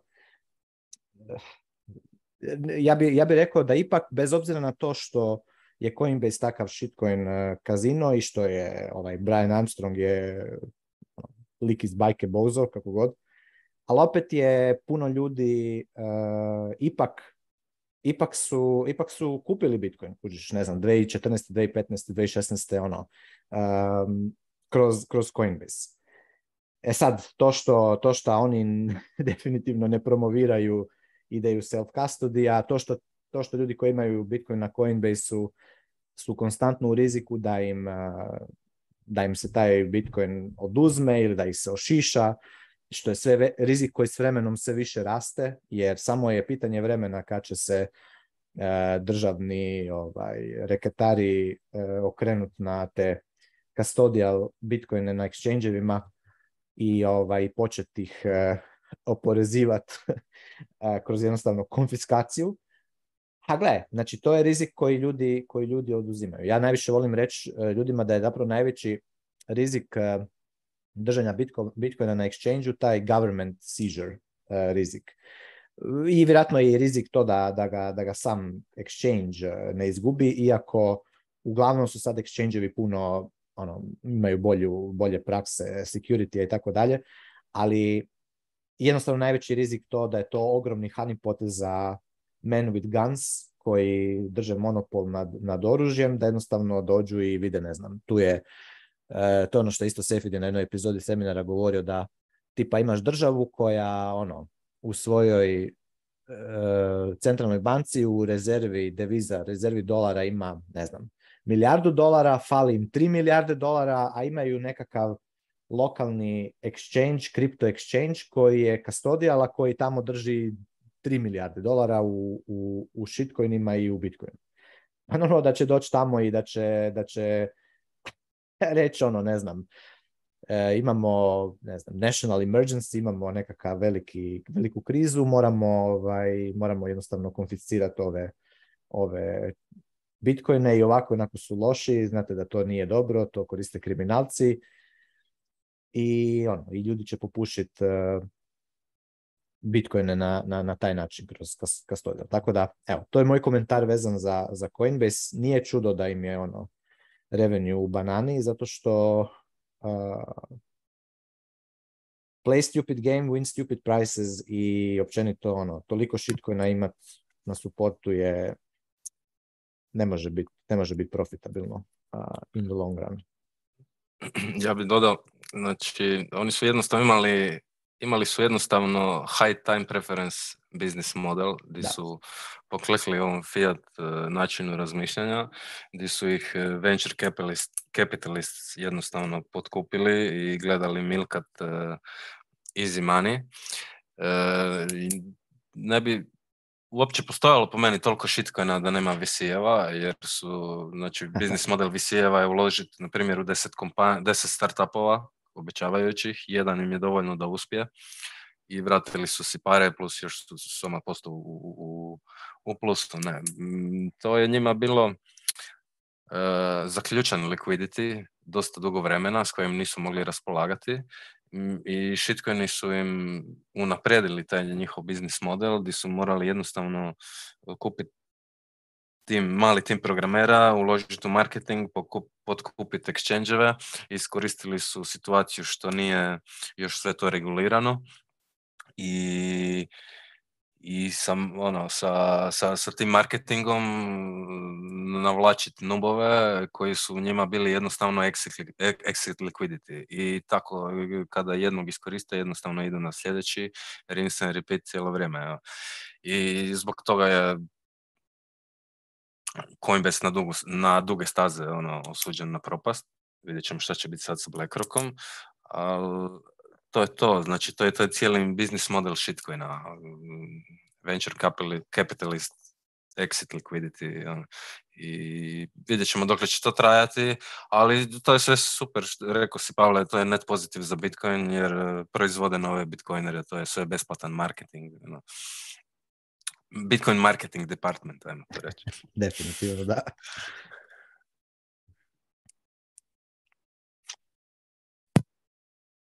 E, šta ćemo, idemo dalje. Matija, nemaš niš komentara i ćeš bacit neku Nemam, Ne, Ništa? ne, Ništa Dobro. mudro. Ponestalo je. Idemo, imamo uh, nekakav first free routing lightning node in Africa. Šta je to? Da, vidio sam tu vijest. E, još jedan lightning node koji ima zero fee policy po meni mhm. odlična stvar i kao koncentrirani su na Afriku, iako to to je praktički globalno, ok, ono, to im je jedan selling point. super za Afrikance, super za Lightning mrežu, super za nas korisnike, ćemo plaćati manje fijeve, i sve super. Ima jedna jedina stvar koja me bode malo u oko, što im je Voltage sponsor, pa pretpostavljam da koriste njihove servere, znači to je mhm. ipak na neki način centralizirani nod. Ali, ok, nemam ništa protiv voltage u principu, jer je to jedan Lightning Service Provider koji je vrlo koristan. Za, mhm. ako, neko nema, ako neko nema uvjete za ranat svoj nod, može koristiti preko njih, može imati svoj mm na njihovim serverima. Jedan vid Amazon Web Services u, u Bitcoinu, treba uvijek to imati na umu zbog mogućih e, potencijalnih e, posljedica na privatnost i permissionless. Ali e, opet net pozitiv za Bitcoin. Sviđa mi se taj biznis model zero fija, di, di ljudi nalaze druge načine E, financiranja svog noda da bude profitabilan, e, da ne ovise direktno o fijevima koje korisnici plaćaju. E, prvi je krenuo sa time zero fee routing, ono prvi najpoznatiji nod je bio to i njegov biznis model je u biti da prodaje likvidnost i možeš ići na njegovu stranicu, jednostavno otvoriti lightning channel s njima, može se spojiti kao da ti bude outbound direktno s njim ili platiti likvidnost e, da imaš direkt inbound od njega i imaš nula fijeve, ono, ne znam, da to, treba to dodatno. E, možeš stvoriti e, javni node, znači announced, možeš i private, ono, za svoje potrebe, unannounced. I ja ga isto koristim, vrlo korisna stvar za node runnere, kogod rana svoj node preporučam da si, da si to pogleda. Ja sam imao, na, prilik, primjer, imao sam e, na svom nodu kako sam napredovao, učio i tako dalje. E, zero Fear Routing mi je vrlo, ono, pomogao da mi, da mi da mi moj routing full naraste, jer, e, na primjer, što ljudi rade, otvoriš jedan veći channel sa Zero Fear Routingom i staviš nula transaction nula, nula fijeve ne, na njega. I to ti pospješuje kompletni routing svog noda. Meni su transakcije narasle puta deset ono, kad sam to napravio. I imam isto tako na, na telefonu, na blikstu private node sa njime, jer zašto ne? Ono. I, i, i jedan od, ono, komunicirao sam direktno s tim dečkom, on je inače programer iz SDA i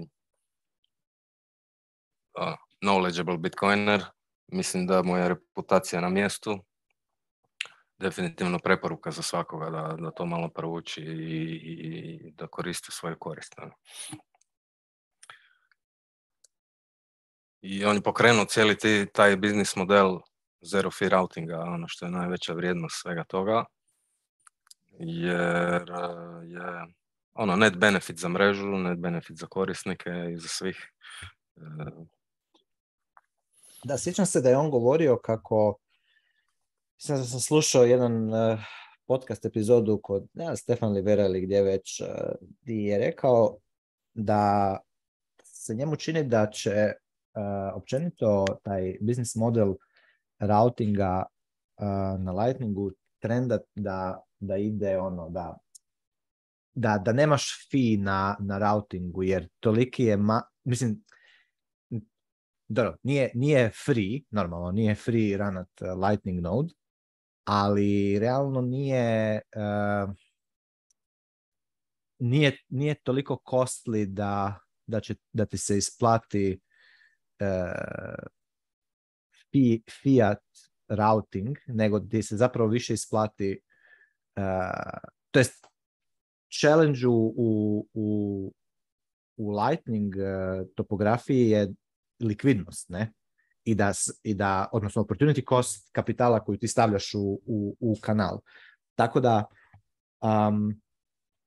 ne bi me, ne, opće me ne čudi to da, recimo, on ima i, i vjerojatno bolji poslovni model uh, da jednostavno naplati ono, kanal za koliko on, pol posto ne, veličine kanala i da onda rauta for free i da praktički taj routing cost, cost hardvera, bandwidtha i struje, šta god već, deprecijacije hardvera s kojim routa da ono praktički e, računa kao cost of doing business, ali da tomu nije, e, nije ono svaki taj route da, da na njemu zarađuje, jer se ovako više isplati.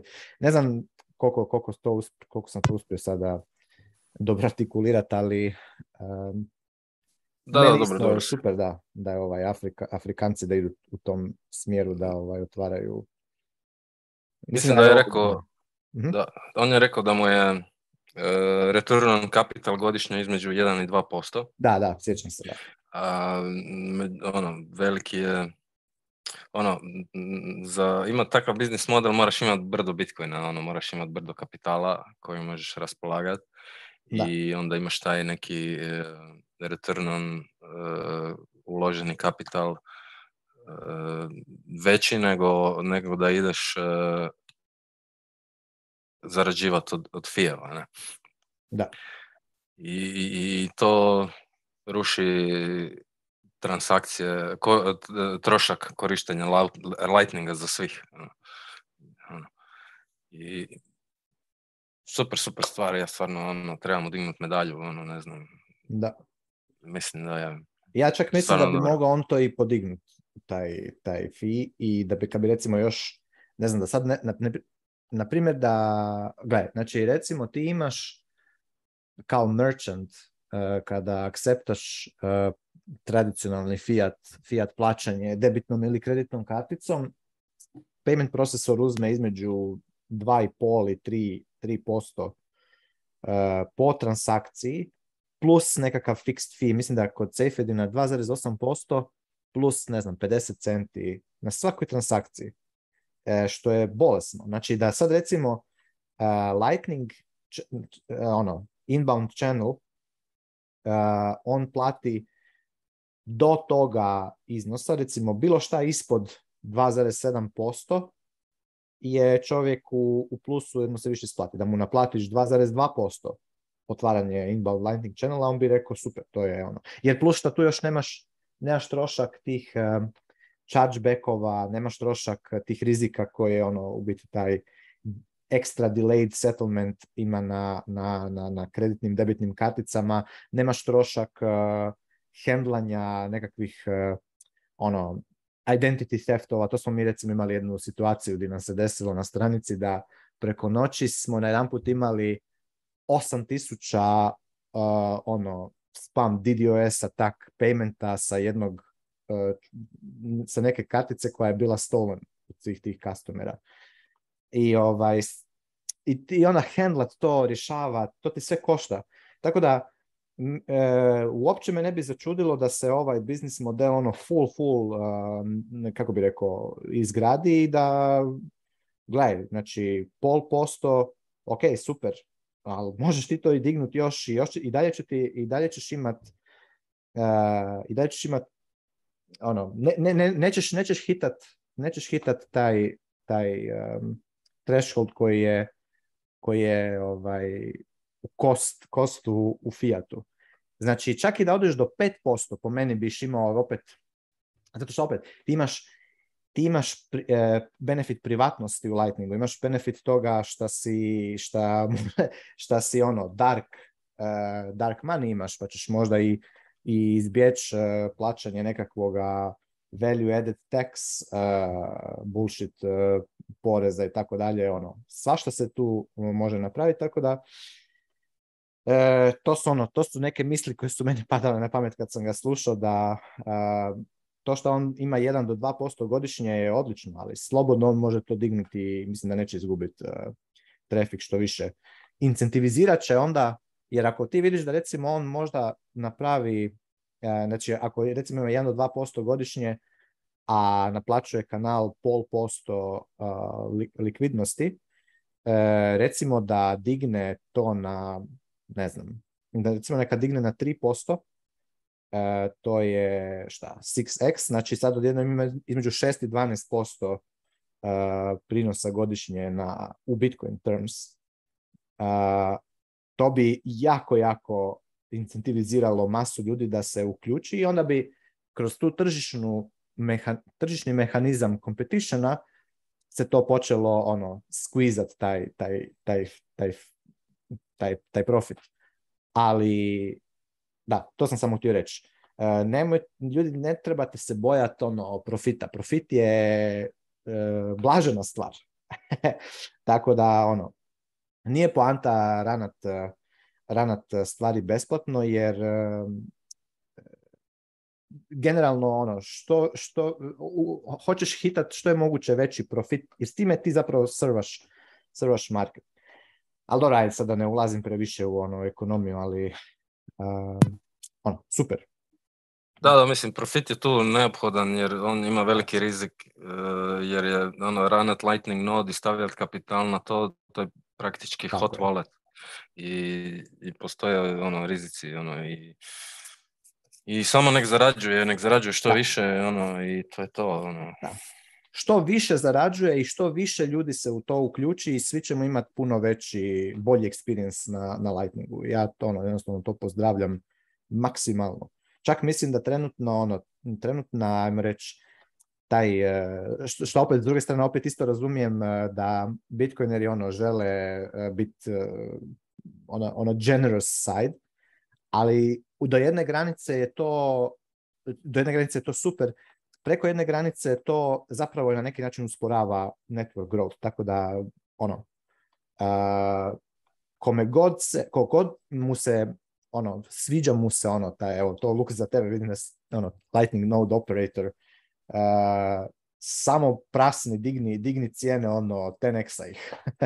I mislim da će to biti, e, bit će super.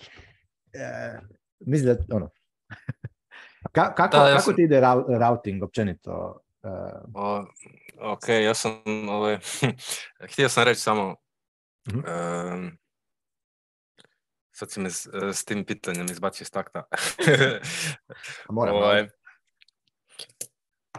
sam htio reći? Ehm, znači, e,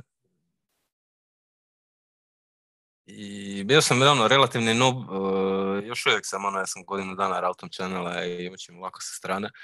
I imao sam full malo transakcija i praktički sam gledao, istraživao kako malo po malo to ono, sve skupa funkcionira, kako maksimizirati routove, fee policy. I u principu skužio sam da je najbolje spustiti fijeve, ono, e, skroz, ono, na način da ne, jednostavno razmišljaš o profitu, nego, nego postaviš se tako kako ću ja najviše pomoći mreži i onda će mreža tebi vrati dugoročno. I ja sam jednostavno kupio od njega inbound channel, malo veći, pet put veći nego moj prosječni channel. E, stavio sam nula fijeve na taj njegov channel, znači nula fijeva su s obje strane i ostavio dosta niske fijeve na ostalim channelima. I moje rautanje je u tom tim potezom eksplodiralo, znači imao sam 10 do 100 puta više količine transakcija koje je moj node routao I tu smo, i tu je ono, sve ove dobro povezane nodove koji su milkali to e, sa velikim fijevima praktički ono, oduzeli smo im market share e, i, i, i snizili trošak korištenja Lightning mreže. I to je po meni, this is the way, ono, dugoročno. Rana Lightning Node zbog zarade, mislim da je to krivi pristup. Nema tu neke zarade, ima, imaš trošak otvaranja, zatvaranja channela, imaš trošak hardvera, struje, teško da ćeš ti pokriti taj, sa neki prosječni bitcoiner sa njegovim stekom bilo bi glupo kao prvo većinu svog steka staviti na to i ranat, ono, znači ono, ne mogu ja imati neki veliki, veliki ogromni nod, mogu imati neki skromni ovako, moj skroman pokušaj da ono, pomognem mreži pod navodnicima. E, Pitao si me kako meni to ide. Pa moj nod je u fazi umiranja jer ono, odlučio sam uh, e, upgrade od sve to s vremenom jer još uvijek sam na Umbrelu, na Raspberry paju i naučio sam u međuvremenu da to jednostavno nije rješenje iz više razloga, zato jer su tu određene limitacije hardvera, taj Raspberry Pi, M je dva, dva kora na Raspberry su closed source, M e, je bottleneck e, USB veza između Raspberry Pi-a i, i, i, i SSD-a. MC ograničen na Tor mrežu koja nije savršena, M se cijelo vrijeme napada i, i ono, i M, Lightning Gothic protokol isto tako nije savršen i onda se praktički nađem u situaciji di, di, di sam praktički offline drugim nodovima dugo vremena, iako je moj, moj nod online i tako dalje, pa tu dolazi do failovanih transakcija di, se force closed channeli i tako dalje, i tako dalje. Tako da, u principu, moja strategija je uh, eh, upgrade cijeli taj hardware, eh, naučit malo više koristiti Linux i imati node eh, što je jednostavnije mogući što se tiče softvera i hardvera, ali, ali da bude ipak robustan i da, da, da ono, da, da ne budem bottleneck na mreži, ono, da ne budem, da ne uzrokujem probleme drugim nodovima sa svojim, e, ono, sa svojim nodom. E, tako da sam, ono, to, to je sve jedan veliki proces učenja i za mene i, i puno vremena oduzima, tako da sam to stavio za, za zimu, ono, kao neki hobi, ono, sa strane. To je više manje to. Taj Umbrella je full zanimljiva stvar, jer e, taj princip personalnog servera je po meni e, budućnost decentralizacije, ono, moraš ranat svoj server da bi, isto tako imaš svoj insta s GitHuba, na primjer, koji ti se ne može cenzurirati i možeš imati svoj mail provider i tako dalje i tako dalje. I to je to, to je slično spik kako ranat Bitcoin Node, to je praktički jedan tvoj mali server na mreži kojeg samo ti kontroliraš, ono, zato je to sve permissionless. Ono.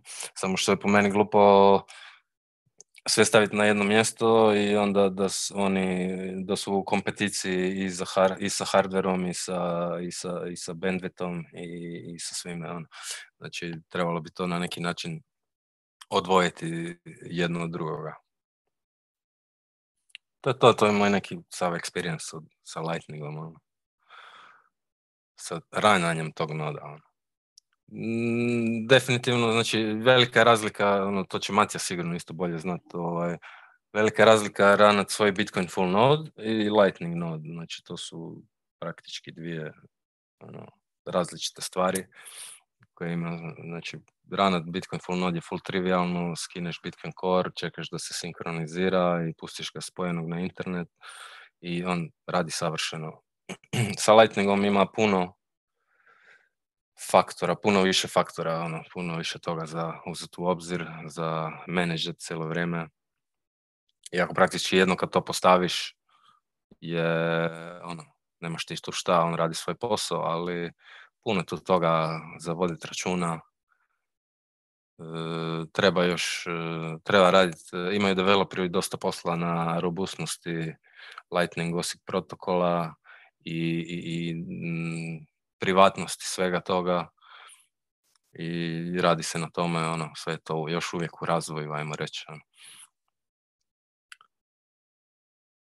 E, po meni, e, zašto sam fan Bliksta? Zato jer, na primjer, znači to je praktički mobilni nod kojeg imaš na telefonu, e, neutrino channel i neutrino nod i dovoljno ti je da otvoriš tri private channela, na primjer sa Zero Fee routingom, jedan sa onim African Node, jedan treći po tvom izboru. E, odrediš si koliko će ti imati inbada, outbanda. to je to, ti imaš svoj node, ono, ti si censorship resistant i nema opće potrebe ići ono, pomagati mreži, raditi e, e, zaključat zaključati puno svoje likvidnosti na, na, na na tom kako se kaže, hot walletu i ovisite e, ja još jedan primjer što imam pošto živim na selu. Internet veza zna biti nestabilna, svako toliko nestane interneta na par sekundi i to full poremeti e, Lightning Graph i Tor mrežu i to je jedan od razloga isto zašto sam bio full, e, zašto sam bio često offline drugim nodovima i onda dok bi se to sve izsinkroniziralo, e, praktički nisam mogao rauta transakcije i ako bi došla neka transakcija preko mene, ja u tom trenutku izgubim vezu sa internetom na par sekundi, e, cijeli taj e, channel, mislim, svi ti hopovi u redu koji rade u tom transakciji su penalizirani na neki način, dešavaju se first closures eh, koji opet ono, su, koštaju, to su zatvore, ono, channela i tako dalje, tako dalje. Ono.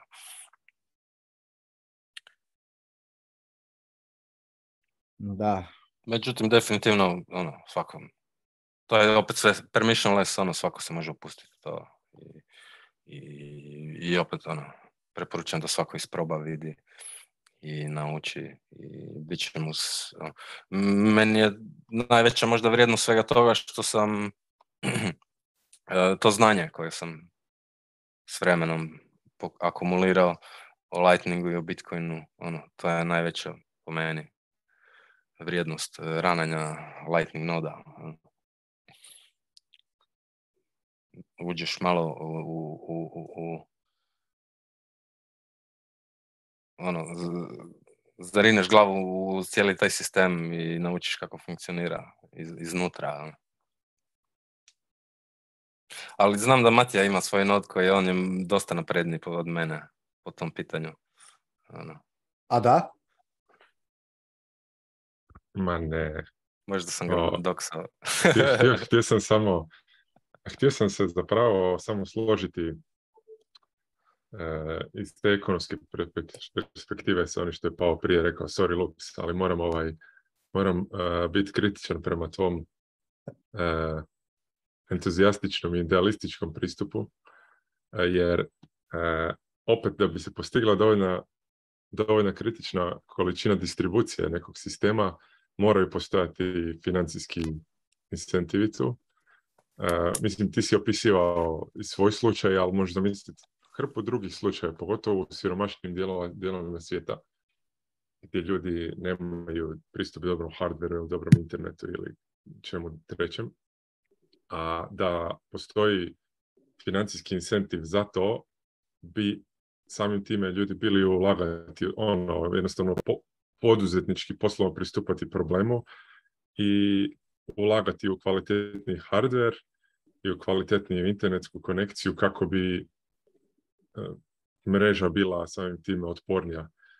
Ti kažeš, ono, tvoj, tvoj e, ono, e, routing je, se poveća za 10 do 100 puta kada si ispustio fijeve na nulu, što je razumljivo jer ono, opet korisnici će ići na, ono, ruta će se na, svako od nas želi dobiti što je jeftiniju moguću uslugu, ali to je, ja mislim, samo svojstvo limitacije u u adopciji još uvijek.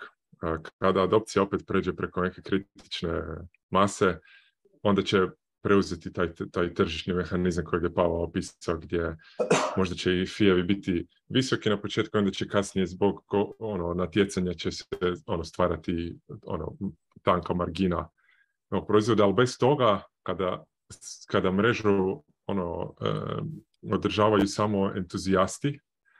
To je super, ali šta će se desiti kad tih entuzijasta više ne bude dovoljno? I ja, mislim, uvijek, uvijek dovoljno, dovoljno dugo sociološki prijeti stvar centralizacije. E, jer, e, mislim, opet, možda sam u krivu zato što postoji Tor mreža, postoji i e, ono Tor mreža gdje, gdje nije, nije kvalitetno monetizirano imati Tor noda, opet ima dovoljno nod pa da je to ajmo reći, e, decentralizirani sustav.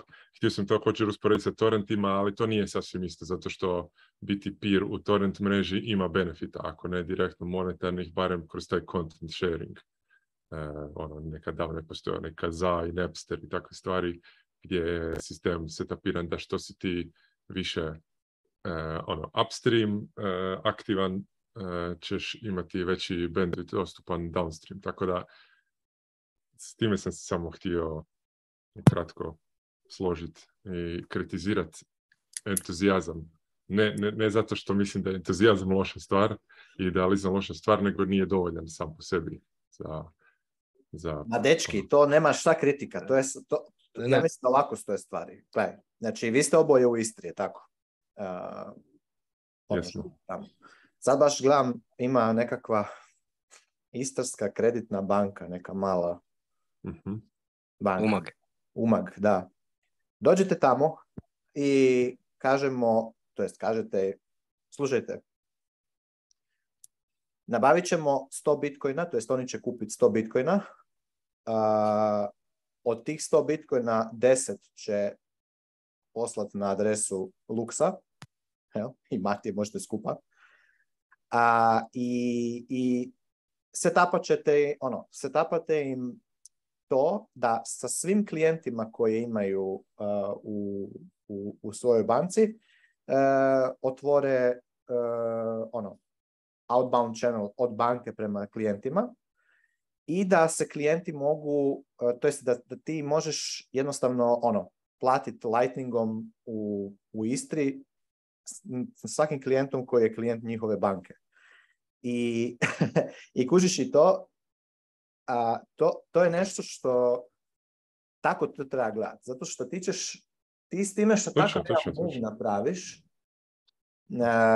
to je ogroman benefit za svih. Puno, puno veću vrijednost napraviš na taj način za cijeli network, lokalni u Istri, a onda i globalni cijeloga, Bitcoina, jer ti onda svi turisti koji mogu, ono, sva, što se tu može dogoditi još, još ekstra, a, a svi su ono u win-winu, jer, jer kužiš alternativa nije, eh, alternativa je ono, ne, ne ući u Bitcoin network, eh, to jest čekati da ljudi sami ono idu ranac, ma neće ljudi sami ranat svoj, svoj lightning node, Jednako kao što, mislim, neće obični ljudi. Ja, ne vidim da je centralizacija eh, toga da imaš lightning service providere loša. E, da pače, jednako kao što, kao što ja, mislim, ekonomski gledano, specializirat se je najbolja stvar e, i za tebe osobno, ali i za ekonomiju. Zato što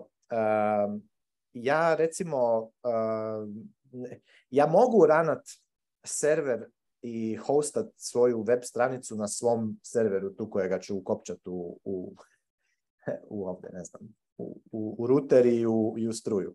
Ali onda dolazi ovo što je Luz govorio, ono, problemi to, šta kad ti padne dolje, šta kad ti trebaš to menadžati. To imaš ljudi koji su specijalizirani za te stvari.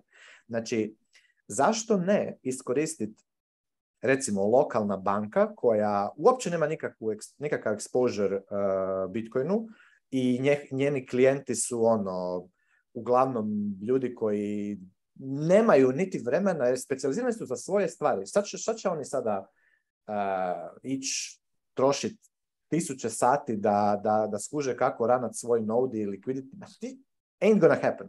Nego, what's gonna happen je da ti sad već kad imaš to određeno znanje koje, by the way, je brutalno ono eh, vrijedno, znači znat kako, kako Lightning node, kako securat Bitcoin, kako opće poslat Bitcoin i kako primiti Bitcoin transakciju. Mislim, mi, mi smo opet u echo chamberu gdje je ta nama sve skupa normalno. Ali dođe u kreditnu banku Umag ili u bilo koju lokalnu malu ono, branšu banke, oni ćete gledat ko, ko ono, mankija koji priča o nemam pojma čemu. Znači, lijepo ti to njima ono, e, pokaži, objasni, e, oni imaju dovoljno kapitala za bacit e, i probat čisto ono kao nekakav department, ono inovacijski, digitalni inovacijski IT department banke koji bi mogao probat ponuditi nešto što je ono inovativni nekakav novi Bitcoin banking e, solution, a onda kad skuže ono šta sve imaju, šta sve imaju priliku napraviti on top of it, bi bila, bi, je, kako bi rekao, je jako, jako e, ono, dobro za svih, ne? Jer čak i, kažem ti, čak i da ti, ono, da recimo banka lokalna u, u, u Umagu rauta paymente sa 5% fijem na svakom, na svakom paymentu u, u Lightningu, vjeruj mi, ja kad bi došao u Istru i kad bi došao u neki restoran i mogu platiti u Lightningu, a 5% je fi, ali možda je, možda je taj restoran ponudio 15% popust na plaćanje u Lightningu zato što možda ono neće morat eh, neće morat ono prikazati taj, taj, taj trošak uh, freaking reketu ovome države ja ću i dalje to platiti. Čak i da nema toga discounter bi, bi, bi platio zato što bi ono, jer eh, recimo možda mi je jednostavno bolje šta god. Znači, ne treba, hoću samo reći, gledajte stvar sa, sa, sa sveukupnog ono, wealth generation eh, aspekta. Ne znam kako da, da, da to uspijem dobro komunicirati. Uh, eh, a ovaj, da, to je, to, je, to je po meni the way to go. Uh, ne se bojat uh, da, vrijednost za sve stranke. Možeš reći. Vrijednost svima. Ja bi se do tako... Matija, to što si rekao, uh, ne treba smanjiti fijeve na nulu da bi sad pomagao mreži. Ovaj. Meni, ja sam stavio fi na nulu samo sa Eh, zero fee routing channelom, ostale sam smanjio i ja sam time povećao moj fee revenue jer mi je mhm. količina transakcija, znači to je opet eh, business decision, nije to sada ja sam napravio tu odluku, ok, ja sam to eksperimentirao i sve, ali pokazalo se kao jako profitabilna odluka. Imaš tih par, ajmo reći, strateških channela, gdje njihov business model je takav da imaju zero fee policy, i tebi je u interesu da staviš zero fee samo na taj channel, da bi ti ostali channeli radili više transakcija preko njega i ono, to je opet sve mhm. ono, profit motivated ono, na kraju krajeva. I net pozitiv za svih. Ali uglavnom, te znam zadnji komentar na vijest koja je ovo sve motivirala, taj ono free lightning, free routing, lightning node u Africi, kao što je jedan komentator na Stacker News rekao i kao što je Toto 82. napisao u lyrics I bless the lightning down in Africa. I to je to. E, ćemo dalje. Ajmo. Samo da vidimo šta još imamo dalje. To je ovo ovdje. Možemo na ove zadnje ili kao god. Peru. Možemo. Oh. Imamo Bitcoin, 16 Bitcoin bićeva novih ono, u Peru. odlično. Odlično. Znači, praktički su kopirali Bitcoin Beach model i sponzoriraju na 16 malih mjesta po Peru i to je taj virus koji se širi ili miseli koji je nezaustavljiv i super, super vijest, ono, po meni. Odlično. Da, to su te lijepe sitne lokalne vijesti, ali poanta je da je to konstantna stvar i stalno se dodaje novi Ono, novi, mali i veliki projekti. samo, pozitivno, ne, ne, nemam tu ovaj, samo ono pohvaliti bilo kako takvu aktivnost. Pogotovo to cirkularne lokalne ekonomije, to je ono prava stvar. Da, to je možda neki model koji bi se mogao i tu isto na Balkanu ono, kopirati. Radite neke male, mala gnjezda od kojih će se bottom up širiti znanja i korištenja.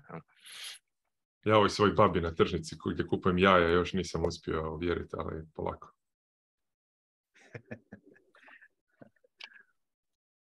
Hmm. Da, moram ja ove lokalne rančere još uvijek. Da, da. Pogotovo onako svi samo primaju cash, tako da nije, nije da se boje poreza ili nešto, nego samo boje se aplikacije na mobitelu, valjda. Ne veze, polako. Odlično. Imam ovaj anegdotu, ovaj, pošto kao ja sam nedavno počeo. Došao sam bratiću, gle, sorry, rekao sam mu, ja ti imam samo Bitcoin, ono, ćeš mi pravati za Bitcoin. Ajde, može. I onda kako je cijena padala dole, svaki put sve više i više ja ono, dobija. I ono lagano ga se, ono, proces orange pilanja je na dijelu. I tako, korak po korak. Tako, tako. Svaki pokret počne od entuzijasta. Za sad smo to mi. Ja sam ovaj, e, kupio ljudima Bitcoin standard, tako što mi obećaju da će ga pročitati, ali, su, ali sam ovaj, rekao, gledaj, ti ćeš ga platiti E, u Fiatu, ja ću ti uplatiti taj iznos u, u, u na tvoj wallet. Tako da, ono, to, je, to je deal. I onda ljudi prihvate, pa da, besplatna knjiga, ok, super, hajde. I još imaju onda na svom moonu, na mobitelu, ono, tih 200 i nešto kuna bitcoina. Evo, šta, šta ide, ide. To je to, mali koraci. Sve, će se to akumulirati. Virus se širi. Nego ovaj... Da, reci si zaustio. Ili... Ne, ne, ja kažem, e, meni je to ovaj, e, ono, što se tiče orange pilanja, e, ljudi, ja sam zadnjih jedno dva tjedna, desetak dana, dva tjedna, sam praktički samo ono, ured, stan, nisam se uopće puno išao na kave i to malo da, ali ovaj, sam, um, sad, sad, doslovno sam sad u ovih dana u stanju kada uh, ako dođe, ako dođe na temu Bitcoin, a ne dolazi, ne, ne iniciram ja sam, barem zadnjih dva tjedna, uh, ali onda više ne, kažem, nemam, um, nemam više ono puno pričanja i tako dalje, nego samo, e, samo na praktičnoj razini i to odmah, odmah krenemo u, u, u all-in uh, e, mod. Ne, nikakve više ono, e, idemo malo, ništa, jer to ja mislim da je, dobro, to je sad moje stanje jer sam ja ono all-in i to se skupa, ali u međuvremenu ono što ono je po meni vrlo, vrlo efektivni način se meni barem pokazao je taj što uh, uvijek di god, ono, di god imam priliku, uh, imam vrlo loose taj spending u smislu um, baš sam onako išao, išao u tom smjeru da, da, da probam e, što je moguće više ljudima pokazati koliko je u biti e, koliko je, koliko je beneficial biti na Bitcoin standardu. Um, I ono, ostaviti ekstra veće manče. Uh, di god imaš, evo sad sam baš, to s mamom moram sad sjest, vjerojatno drugi tjedan. Uh, um, sretnem je u dućanu i onda ona ima svoju ono, provištu i to, ja govorim daj, sve to stavljaj tu nemoj sunce moje, pa daj, pa šta ćeš ti mene, daj, daj, daj, ajde, ajde, gore, ja to ti sve, i ovako onako kuš ono, u mjesec dana 30% je Bitcoin gain, to ti samo osvesti to od Lord Satoshi, ti to, showera from above. I ona se smije i gori dobro. I, kuš, i onda onako izvadiš, e, mislim, di god, pa, znači ti, ja imam sad stvarno ono situaciju gdje su mi svi ti touch pointovi sa svim ljudima sa kojima god u znači sa svim tim u svakom dućanu, svakom, ono, svima, svi već znaju da, ili, ili ako ne znaju negdje će čut, da tu ima neki ono bradati luđak koji, koji sve plaća u Bitcoinu. Mislim, jer ja plaćam de facto u Bitcoinu, samo što e, oni, oni ne primaju Bitcoin, nego primaju fiat. Pa ja taj svoj Bitcoin konvertiram u fiat, pa im dam taj shitcoin kojega primaju ali mislim da taj efekt, ono, taj ti kao konstantno sidaš i konstantno zaljevaš i, i baš sad čekam ovaj kraj turističke sezone kad će ti ljudi ono uvijek tamo negdje u desetom mjesecu onda krenu ono pa krenu brojat, brojat eure koje su, koje su zaradili u sezoni jer onda dolazi zima, zima je naravno padne ono aktivnost, mhm. promet svega za 80% e onda ćemo, onda ćemo mi ovdje njih lajnati i sjedati. I onda idu ono, ti malo ozbiljni konkretni muovi. Tu čak na ovom lokalnom ono, malom otočiću toliko je nekretnina koje imaju monetarnu premiju, toliko je ljudi, ono, toliko ima te štenje u, u svakakvim e, načinima, samo ne u onome šta bi trebali e, štediti, a to je Bitcoin. Tako da to, to će sada na jesen, zimu a, se definitivno akcelerirati. A sad još dok je ljeto, onako, nemaju ljudi niti vremena puno se e, naš e, uhvatit e, da, da, im, da im sjedne malo taj, ta, ta cijela matematika i, i cijela stvara. Mislim da da će, kažem, ovu, ovu jesen zimu biti puno to brže. Hoću reći, Kojiš isto ta zanimljiva onako na jednoj globalnoj razini, taj Bitcoin adoption stvarno je u valovima. Nema, nema, nema linearnoga tu ničega. To je to stalno, ono, imaš periode kada se skoro, reći, skoro ništa ne događa, nekako, i onda na jednom, ono, bum, eksplozija nečega, adoptiona. Tako da, ja ću baš, baš me zanima da koliko ću uspjeti do sljedećega halvinga ono ljude stvarno onako konvertirati u full 100% Bitcoin standard, tako da kad dođe halving da im ono, da im ono, purchasing power increase bude, bude stvarno brutalan, jer ono, ja sa te strane baš ono brutalno ljudima odem u, u samo im kažem odmah šta, šta, šta, bi, šta bi trebali napraviti i onda ono neka ostanu sad s tim neka to ono, razmišljaju. Mislim, moraš, to ti ostane i onda pomalo ja ti zabijem tu sjemenku u mozak i, sad nemaš druge nego pomalo ne, misli o tome. Ne? Tako da to je sada pristup uh, i mislim da će biti dobar. A u međuvremenu ono, nas Bitcoinere treba, treba jače, jače za Orange Pilot. Jer dogod nisi na 100% Bitcoin standardu je, je, fa, fali, fali ti malo, fali ti još taj, taj, taj, taj level of conviction koji probija, koji probija uh, skroz zidove. Jer, jer imaš, dos, doslovno imaš jedan point, to ti ono ko kad, ko kad kako bi rekao, ima, ima točno point kada se, kada se brejka taj, taj, taj, taj wall kod ljudi, ali doći će to kod svih, tako da ja nekad bi ono volio to sve ubrzati, ali ne, sve ima svoj timing. Tako da, evo, malo, malo nekih gluposti za, za, za, za kraj. Lux, Luxa mora postati Lightning Service Provider. Istra region. Ehm, to je, da. to the way to go.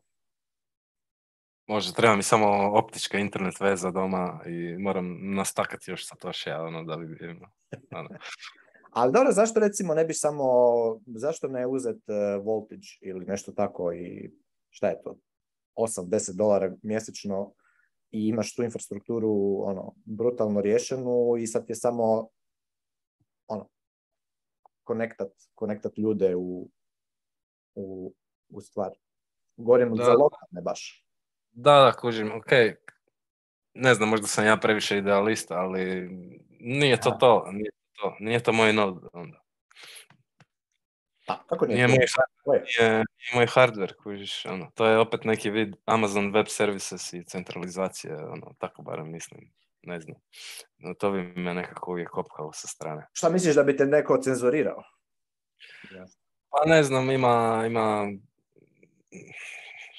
Mm, moguće, ne znam. Mm, ovisim opet o nekom drugome, ne? To je ono neki taj Bitcoin mindset gdje si ti sam svoj majstor.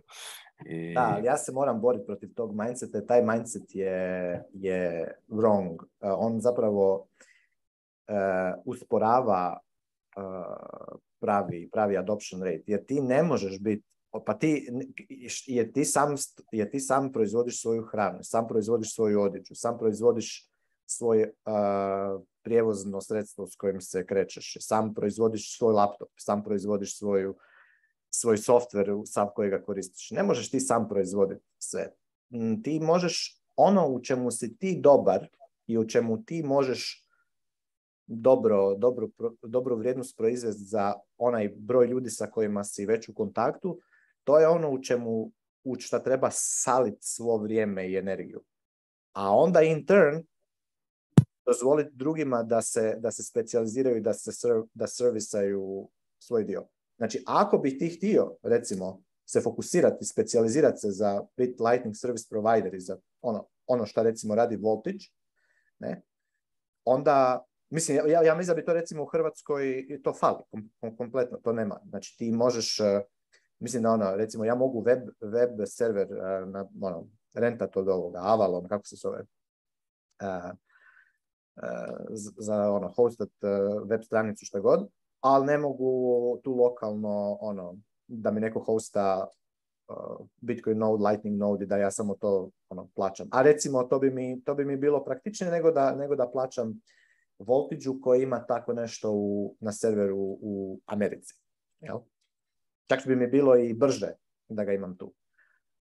Ali zato se onda treba specializirati i fokusirati u to. Jer ti ćeš onda, tek onda moći actually uh, e, stvoriti biznis od toga jer si specializiran i fokusiran. A sad zamisli, specializiraš se i fokusiraš se u to i onda ti neko kaže da, da, to je, to je, to je centralizacija, e, ja bi rađe da ja to ranam sam, a u biti sam ranat je ono. Ima puno, e, puno problema sa ranat sam. Hoću reći, ne treba, ta, ta ideja da budeš self-sufficient je wrong. To, je, eh, to, to te vodi u, u, u, redukciju vrijednosti koju, koju i generiraš i primaš. Jer eh, ne možemo mi biti self-sufficient. I centralizacija, kod Bitcoina centralizacija je, eh, opet kažem, jedina stvar koja treba biti decentralizirane, koja treba trenda tu decentralizaciju, je taj odnos između productiona Bitcoina i, verifikacija Bitcoina da je producer. Znači, to je ono što nam je baza. A sve ostalo, ako se centralizira, ako se recimo okrupni nekakav service provider na, na, na Bitcoinu i stvori se prirodni monopol, prirodni monopol nije problem. Problem je jedino monopol koji je enforsan silom. Jel? ali ako se stvori prirodni monopol, to samo znači da je, da nema, to, ne znam da sam u kom podcastu pričao, ako tu na otoku Rabu imaš jedan jedini e, lik koji ima, koji je postolar, koji popravlja cipele i radi ključeve. I sad će neko reći, a dobro, to je centralizirano, to je, to je lik, zašto ti ne radiš, zašto ti ne popravljaš svoje cipele, zašto, zašto nemaš ti svoj ono tokarski stroj doma s kojim ćeš napraviti svoju kopiju ključeva, nego svaki put platiš E, ono ne znam, 3 eura, 20 kuna da ti on kopira jedan ključ, on je monopolist na otoku Rabu. A monopolist je, da, ali da postoji, e, znači da taj monopolist počne ono, ne znam, naplaćivati 100, 150 kuna, 20, 30 eura za kopiju jednog ključa i da počne ono exorbitant uh, e, naplaćivati popravak cipela, jel?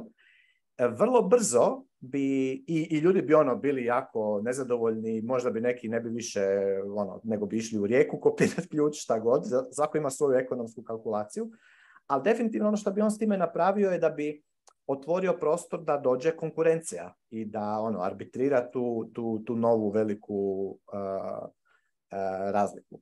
Znači, prirodni monopol nije ništa loše. Znači, ako se dogodi da neko radi prirodni monopol i nema konkurencije koja mu, koja mu dolazi to e, arbitrirati, to samo znači da je trenutno ta, takva situacija u, toj, u tom poketu e, ekonomskom da je to ekvilibri koji je, koji je tu, ponuda i potražnja. Znači, postoji potražnja za određenim e, proizvodom, odnosno uslugom, postoji ponuda te proizvode i usluge. Ako je potražnja mečana sa ponudom, i ako je ta mix, ono, happens to be da je ta ponuda jedina koja nudi tu, tu, tu uslugu, kojiš možda ćeš ti biti jedini lightning service provider u cijeloj uh, Istri. A ako nema ono trenutno veće potražnje za lightning service providerima u Istri i ti si monopolist i ti čađaš 5% routing na svakoj transakciji i niko te ništa, i svi ono, i dalje rautaju preko tebe i zadovoljni su sretni, mislim, šta, ono, šta fali? Ti ćeš jedino što ćeš ti dobro, zapravo što ćeš dobro napraviti s tim, je da ćeš vrlo vjerojatno brzo nekoga incentivizirati da se i on uključi u to. I onda imaš dva lightning providera u Istri. I zapravo imaš, i ti s time guraš u de, zapravo radiš suprotno od onoga što se bojiš da ćeš napraviti, a to je da si se centralizirao. Ali nisi se centralizirao. Ti, se ti, ti, ti, ti sa time što nastojiš ganjati profit, dobit, generirati dobit, dece, ono, Uh, provajdaš priliku marketu da se decentralizira i da dođe da te arbitrira tvoj profit. Tako da ne, treba se bojati toga. Ništa. Nego treba odbaciti ta ideja self-sufficiency. Nema self-sufficiency. Ti da si sam, samo dostatan, samo za sebe, krepo bi ko mačka ono, u, u, ubačeno u nekakav žljeb. Čovjek ne može biti sam. Čovjek postoji upravo zbog to, upravo imamo tu cijelu civilizacijsku stečevinu zato što sta, konstantno tradamo jedni s drugima. A tradamo zato što svako ima napraviti. Da ne tradamo, da ja sad sve radim sam za sebe, kvaliteta života bi mi pala ono u, u minus u zemlju. Ne? Tako da, to je čisto ovako jedan ono, economic uh, term. da, ne, se, ne se boja toga. ovaj, odličan rent, slažem se skroz s tobom, uh, Specializacija je ono što je omogućila da evoluiramo tu gdje smo sada. E, moj koncern je druge prirode. E, ako recimo, znači, e, znači, s ekonomske strane, ja sam isto ekonomist i slažem se apsolutno s tobom, nema ništa loše u prirodnom monopolu, problem je kad je to na silu.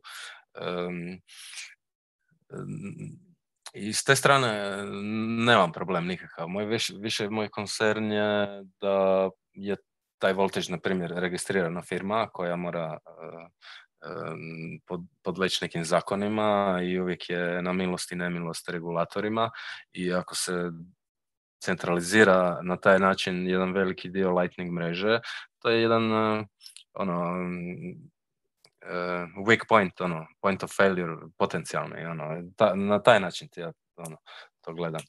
I nije nikakav, ono, i dalje je svako, svaki pojedinac i bitcoiner ima mogućnost ranati i Bitcoin full node i ne ovisi to nikome i zato je to decentralizirano, zato to funkcionira i na sličan, sličan princip gledan i Lightning, ono, da se zadrži i na Lightningu određeni, određeni nivo decentralizacije i što je dobro za svih i za mrežu je robustnija i sve.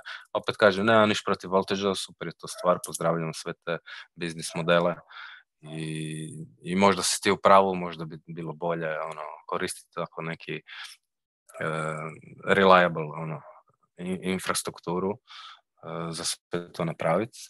Ono, to je nekakav mini konflikt u mojoj glavi. Ono.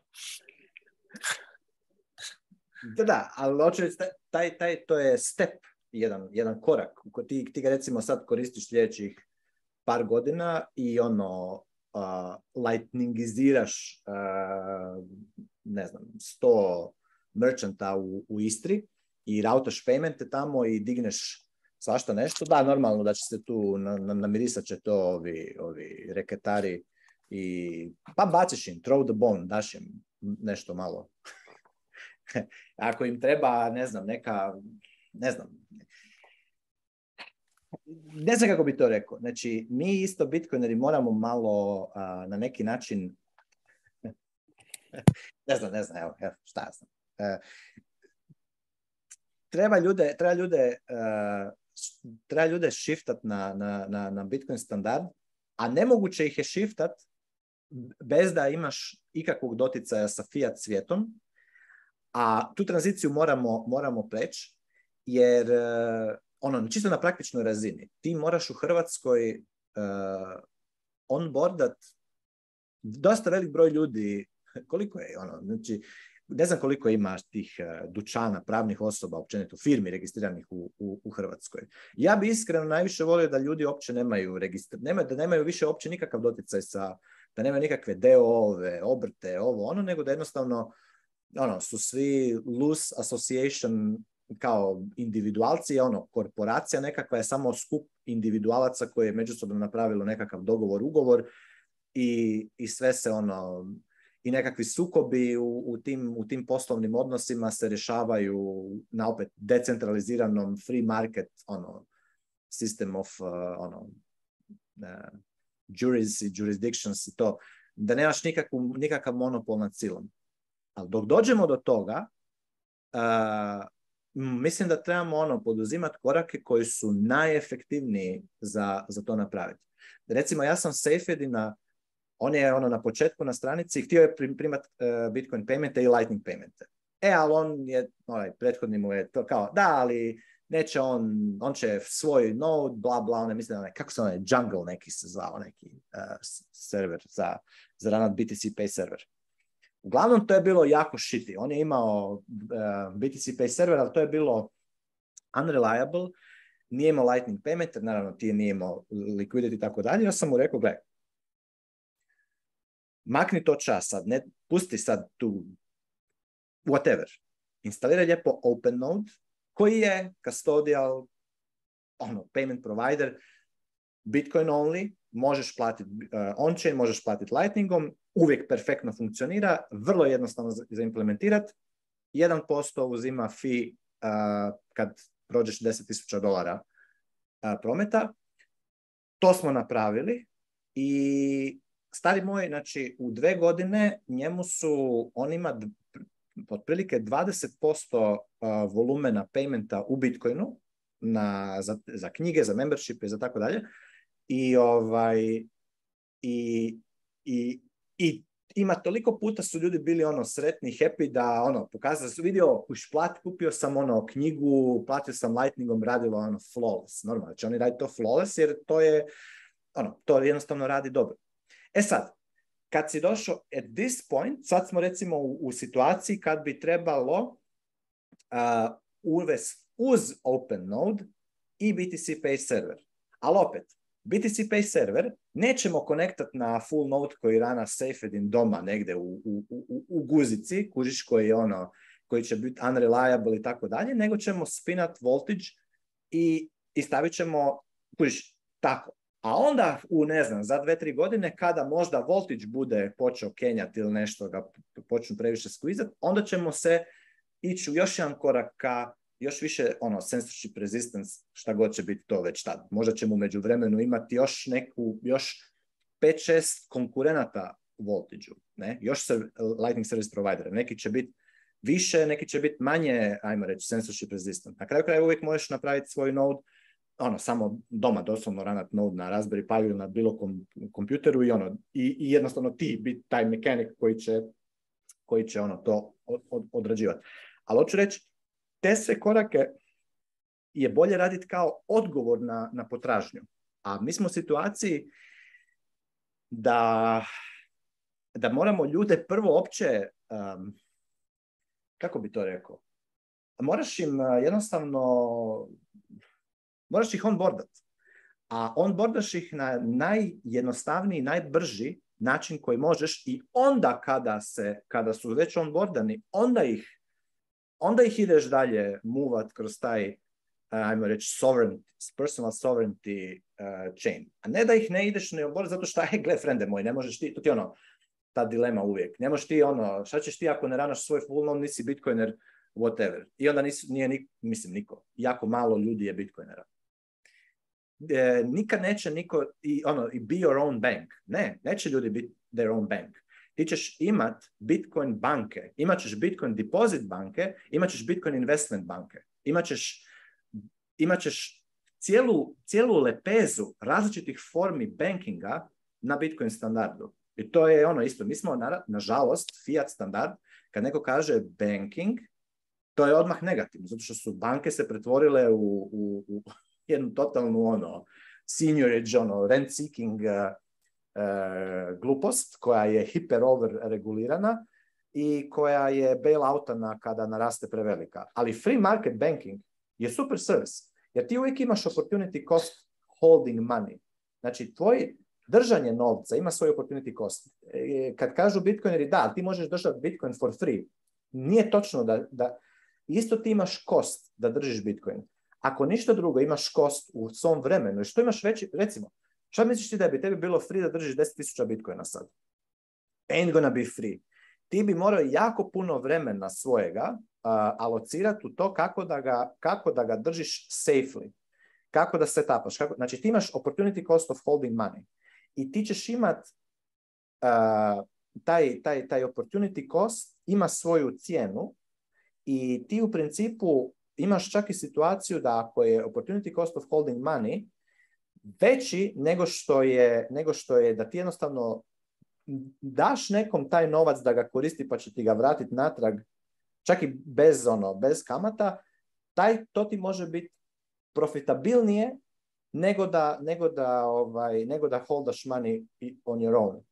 To je baš ono, sam sad, jučer sam, sam morao um, reviewat ovaj chapter 15 u Principles of Economics od, od di dio baš govori o tome, kredit i banking i kako smo mi e, kompletno ono, kako je fiat sustav distortao cijeli, cijeli, cijelu pojmu, cijeli pojam kredita i bankinga i tako dalje. Ali da, da ne ulazim sada u to. Hoću reći, uh, e, razbimo ono što, dobro, ja sad to govorim više ovako kao radi epizode pa ko sluša ono, razbijajmo taj, tu ideju da ćemo be, be, be your own bank. Ok, ti možeš biti your own bank, odnosno cost da ti budeš još da ti budeš your own bank na, na Bitcoinu je strahovito malen.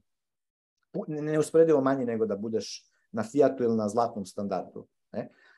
Ali i dalje to ne znači da ti nećeš imat eh, Bitcoin banks koje će ti provajdat puno bolje eh, iskustvo u menadžanju tvog, tvog Bitcoina. Pogotovo kad razmišljaš još o inheritance Znači, kako ćeš ti pes, ako hoćeš pes on Bitcoin na svoje potomke, teško da ćeš to moći sam napraviti. Evo, baš je bio preključen Mato Del na, na Bitcoinovom, na ovome, kod na seminaru, i ono, ovaj ga je pitao, jedan ga je seminar ten ga je pitao kao, a šta je sa inheritance kao šta, šta, šta on konsidera, on je rekao, gle, čovjek se bavi ono, Method L je stvarno u tome već, ne znam, pet godina ono, u tom rabbit hole, u dugačkom, kako self-custody, sve te skupa stvari. I rekao je sam da kaže, gledaj, ja tu mogu ti reći ono, iskreno da se sad dogodi, kaže, tu, evo, da je sad tu potres ono, u Nešvilu i ja ono, propadnem u zemlju, 95%, 90% je siguran da bi Bitcoin išao sa njim. Iako je već poduzeo masu koraka da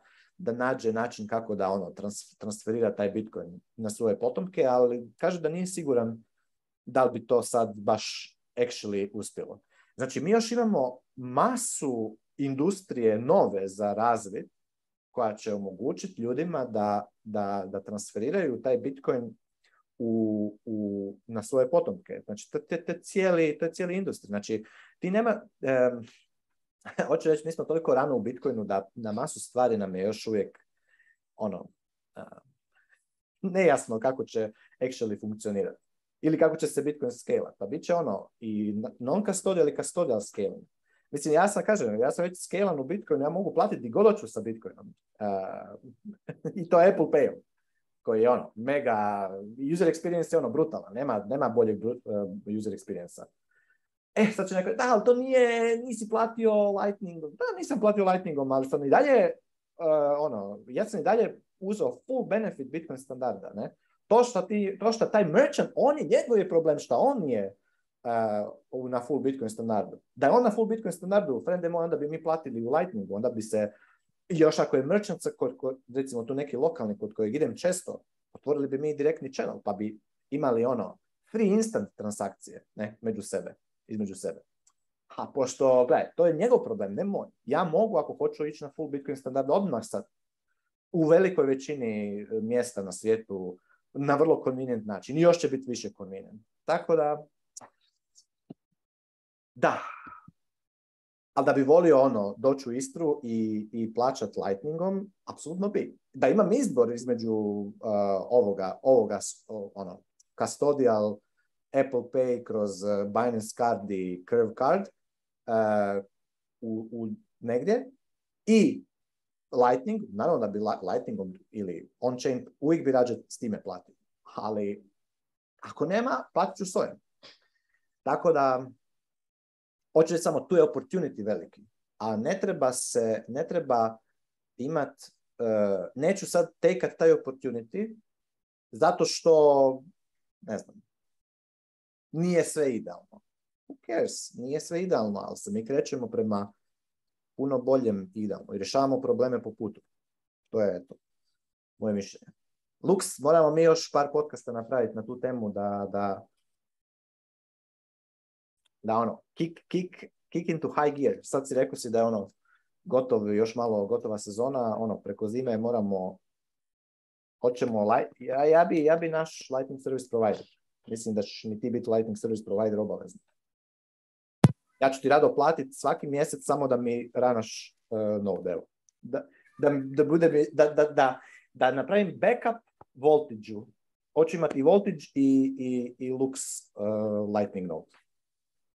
Ok, bit ćemo konkurencija voltage onda. Apsolutno. I, i jer ja moram imati, znači to je moj ono nekakav... Uh, ja isto moram strengthenat sve, svoje biznis toolove koje koristim, da ako kojiš, voltage padne iz bilo kog razloga, da imam, da imam backup.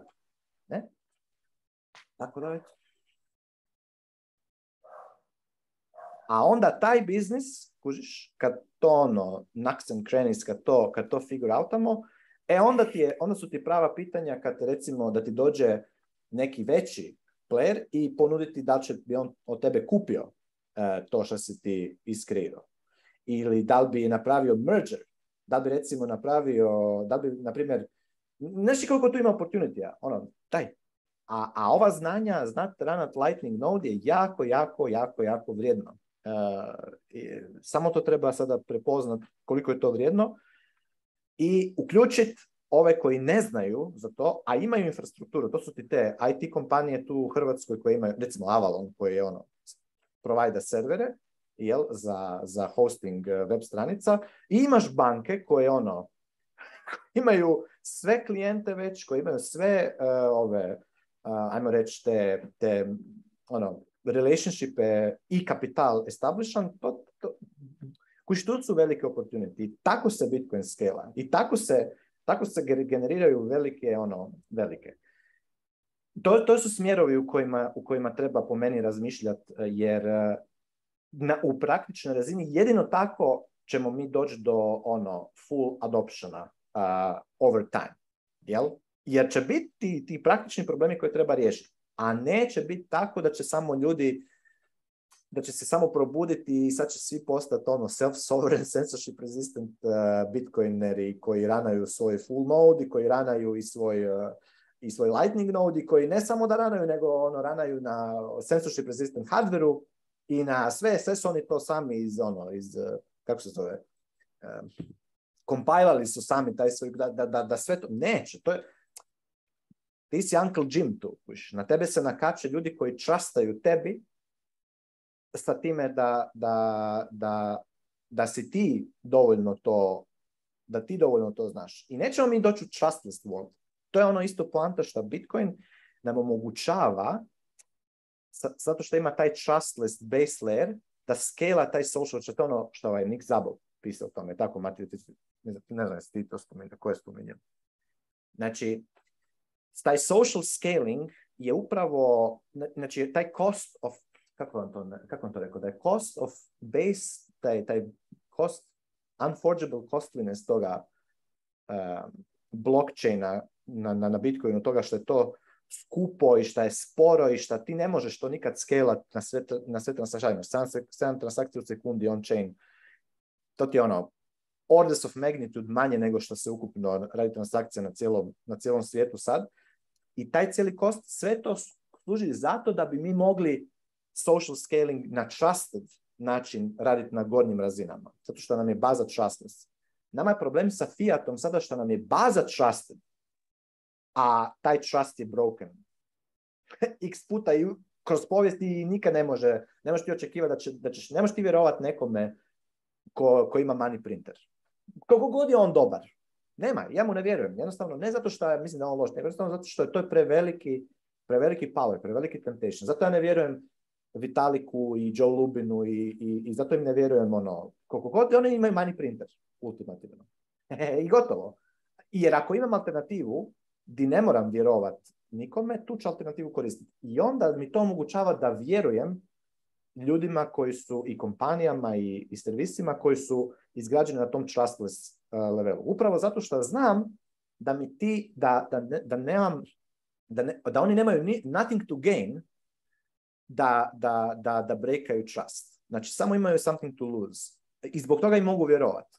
Zato, recimo, vjerujem Bitcoin only kompanijama po defaultu. Uh, ono, imaju ogroman benefit of the doubt. Uh, I ako nešto naprave, ajmo reći, krivo, to je to krivo što su napravili je discountano heavily u mom, u mom mindu, zato što znam da nemaju, da, da nemaju ništa, ništa za dobit ako idu s nekakvom lošom namjerom uh, u, u Bitcoin biznis. Ne? Čim imaju shitcoin neki sa strane, ja odmah su mi ono green, ono red i njima uzimam da, da im ne vjerujem. Recimo ja Binance-u ne vjerujem u tom smislu. Ja uvijek razmišljam, ok, to je nešto što u svakom momentu se može ono, shut down, ono, whatever.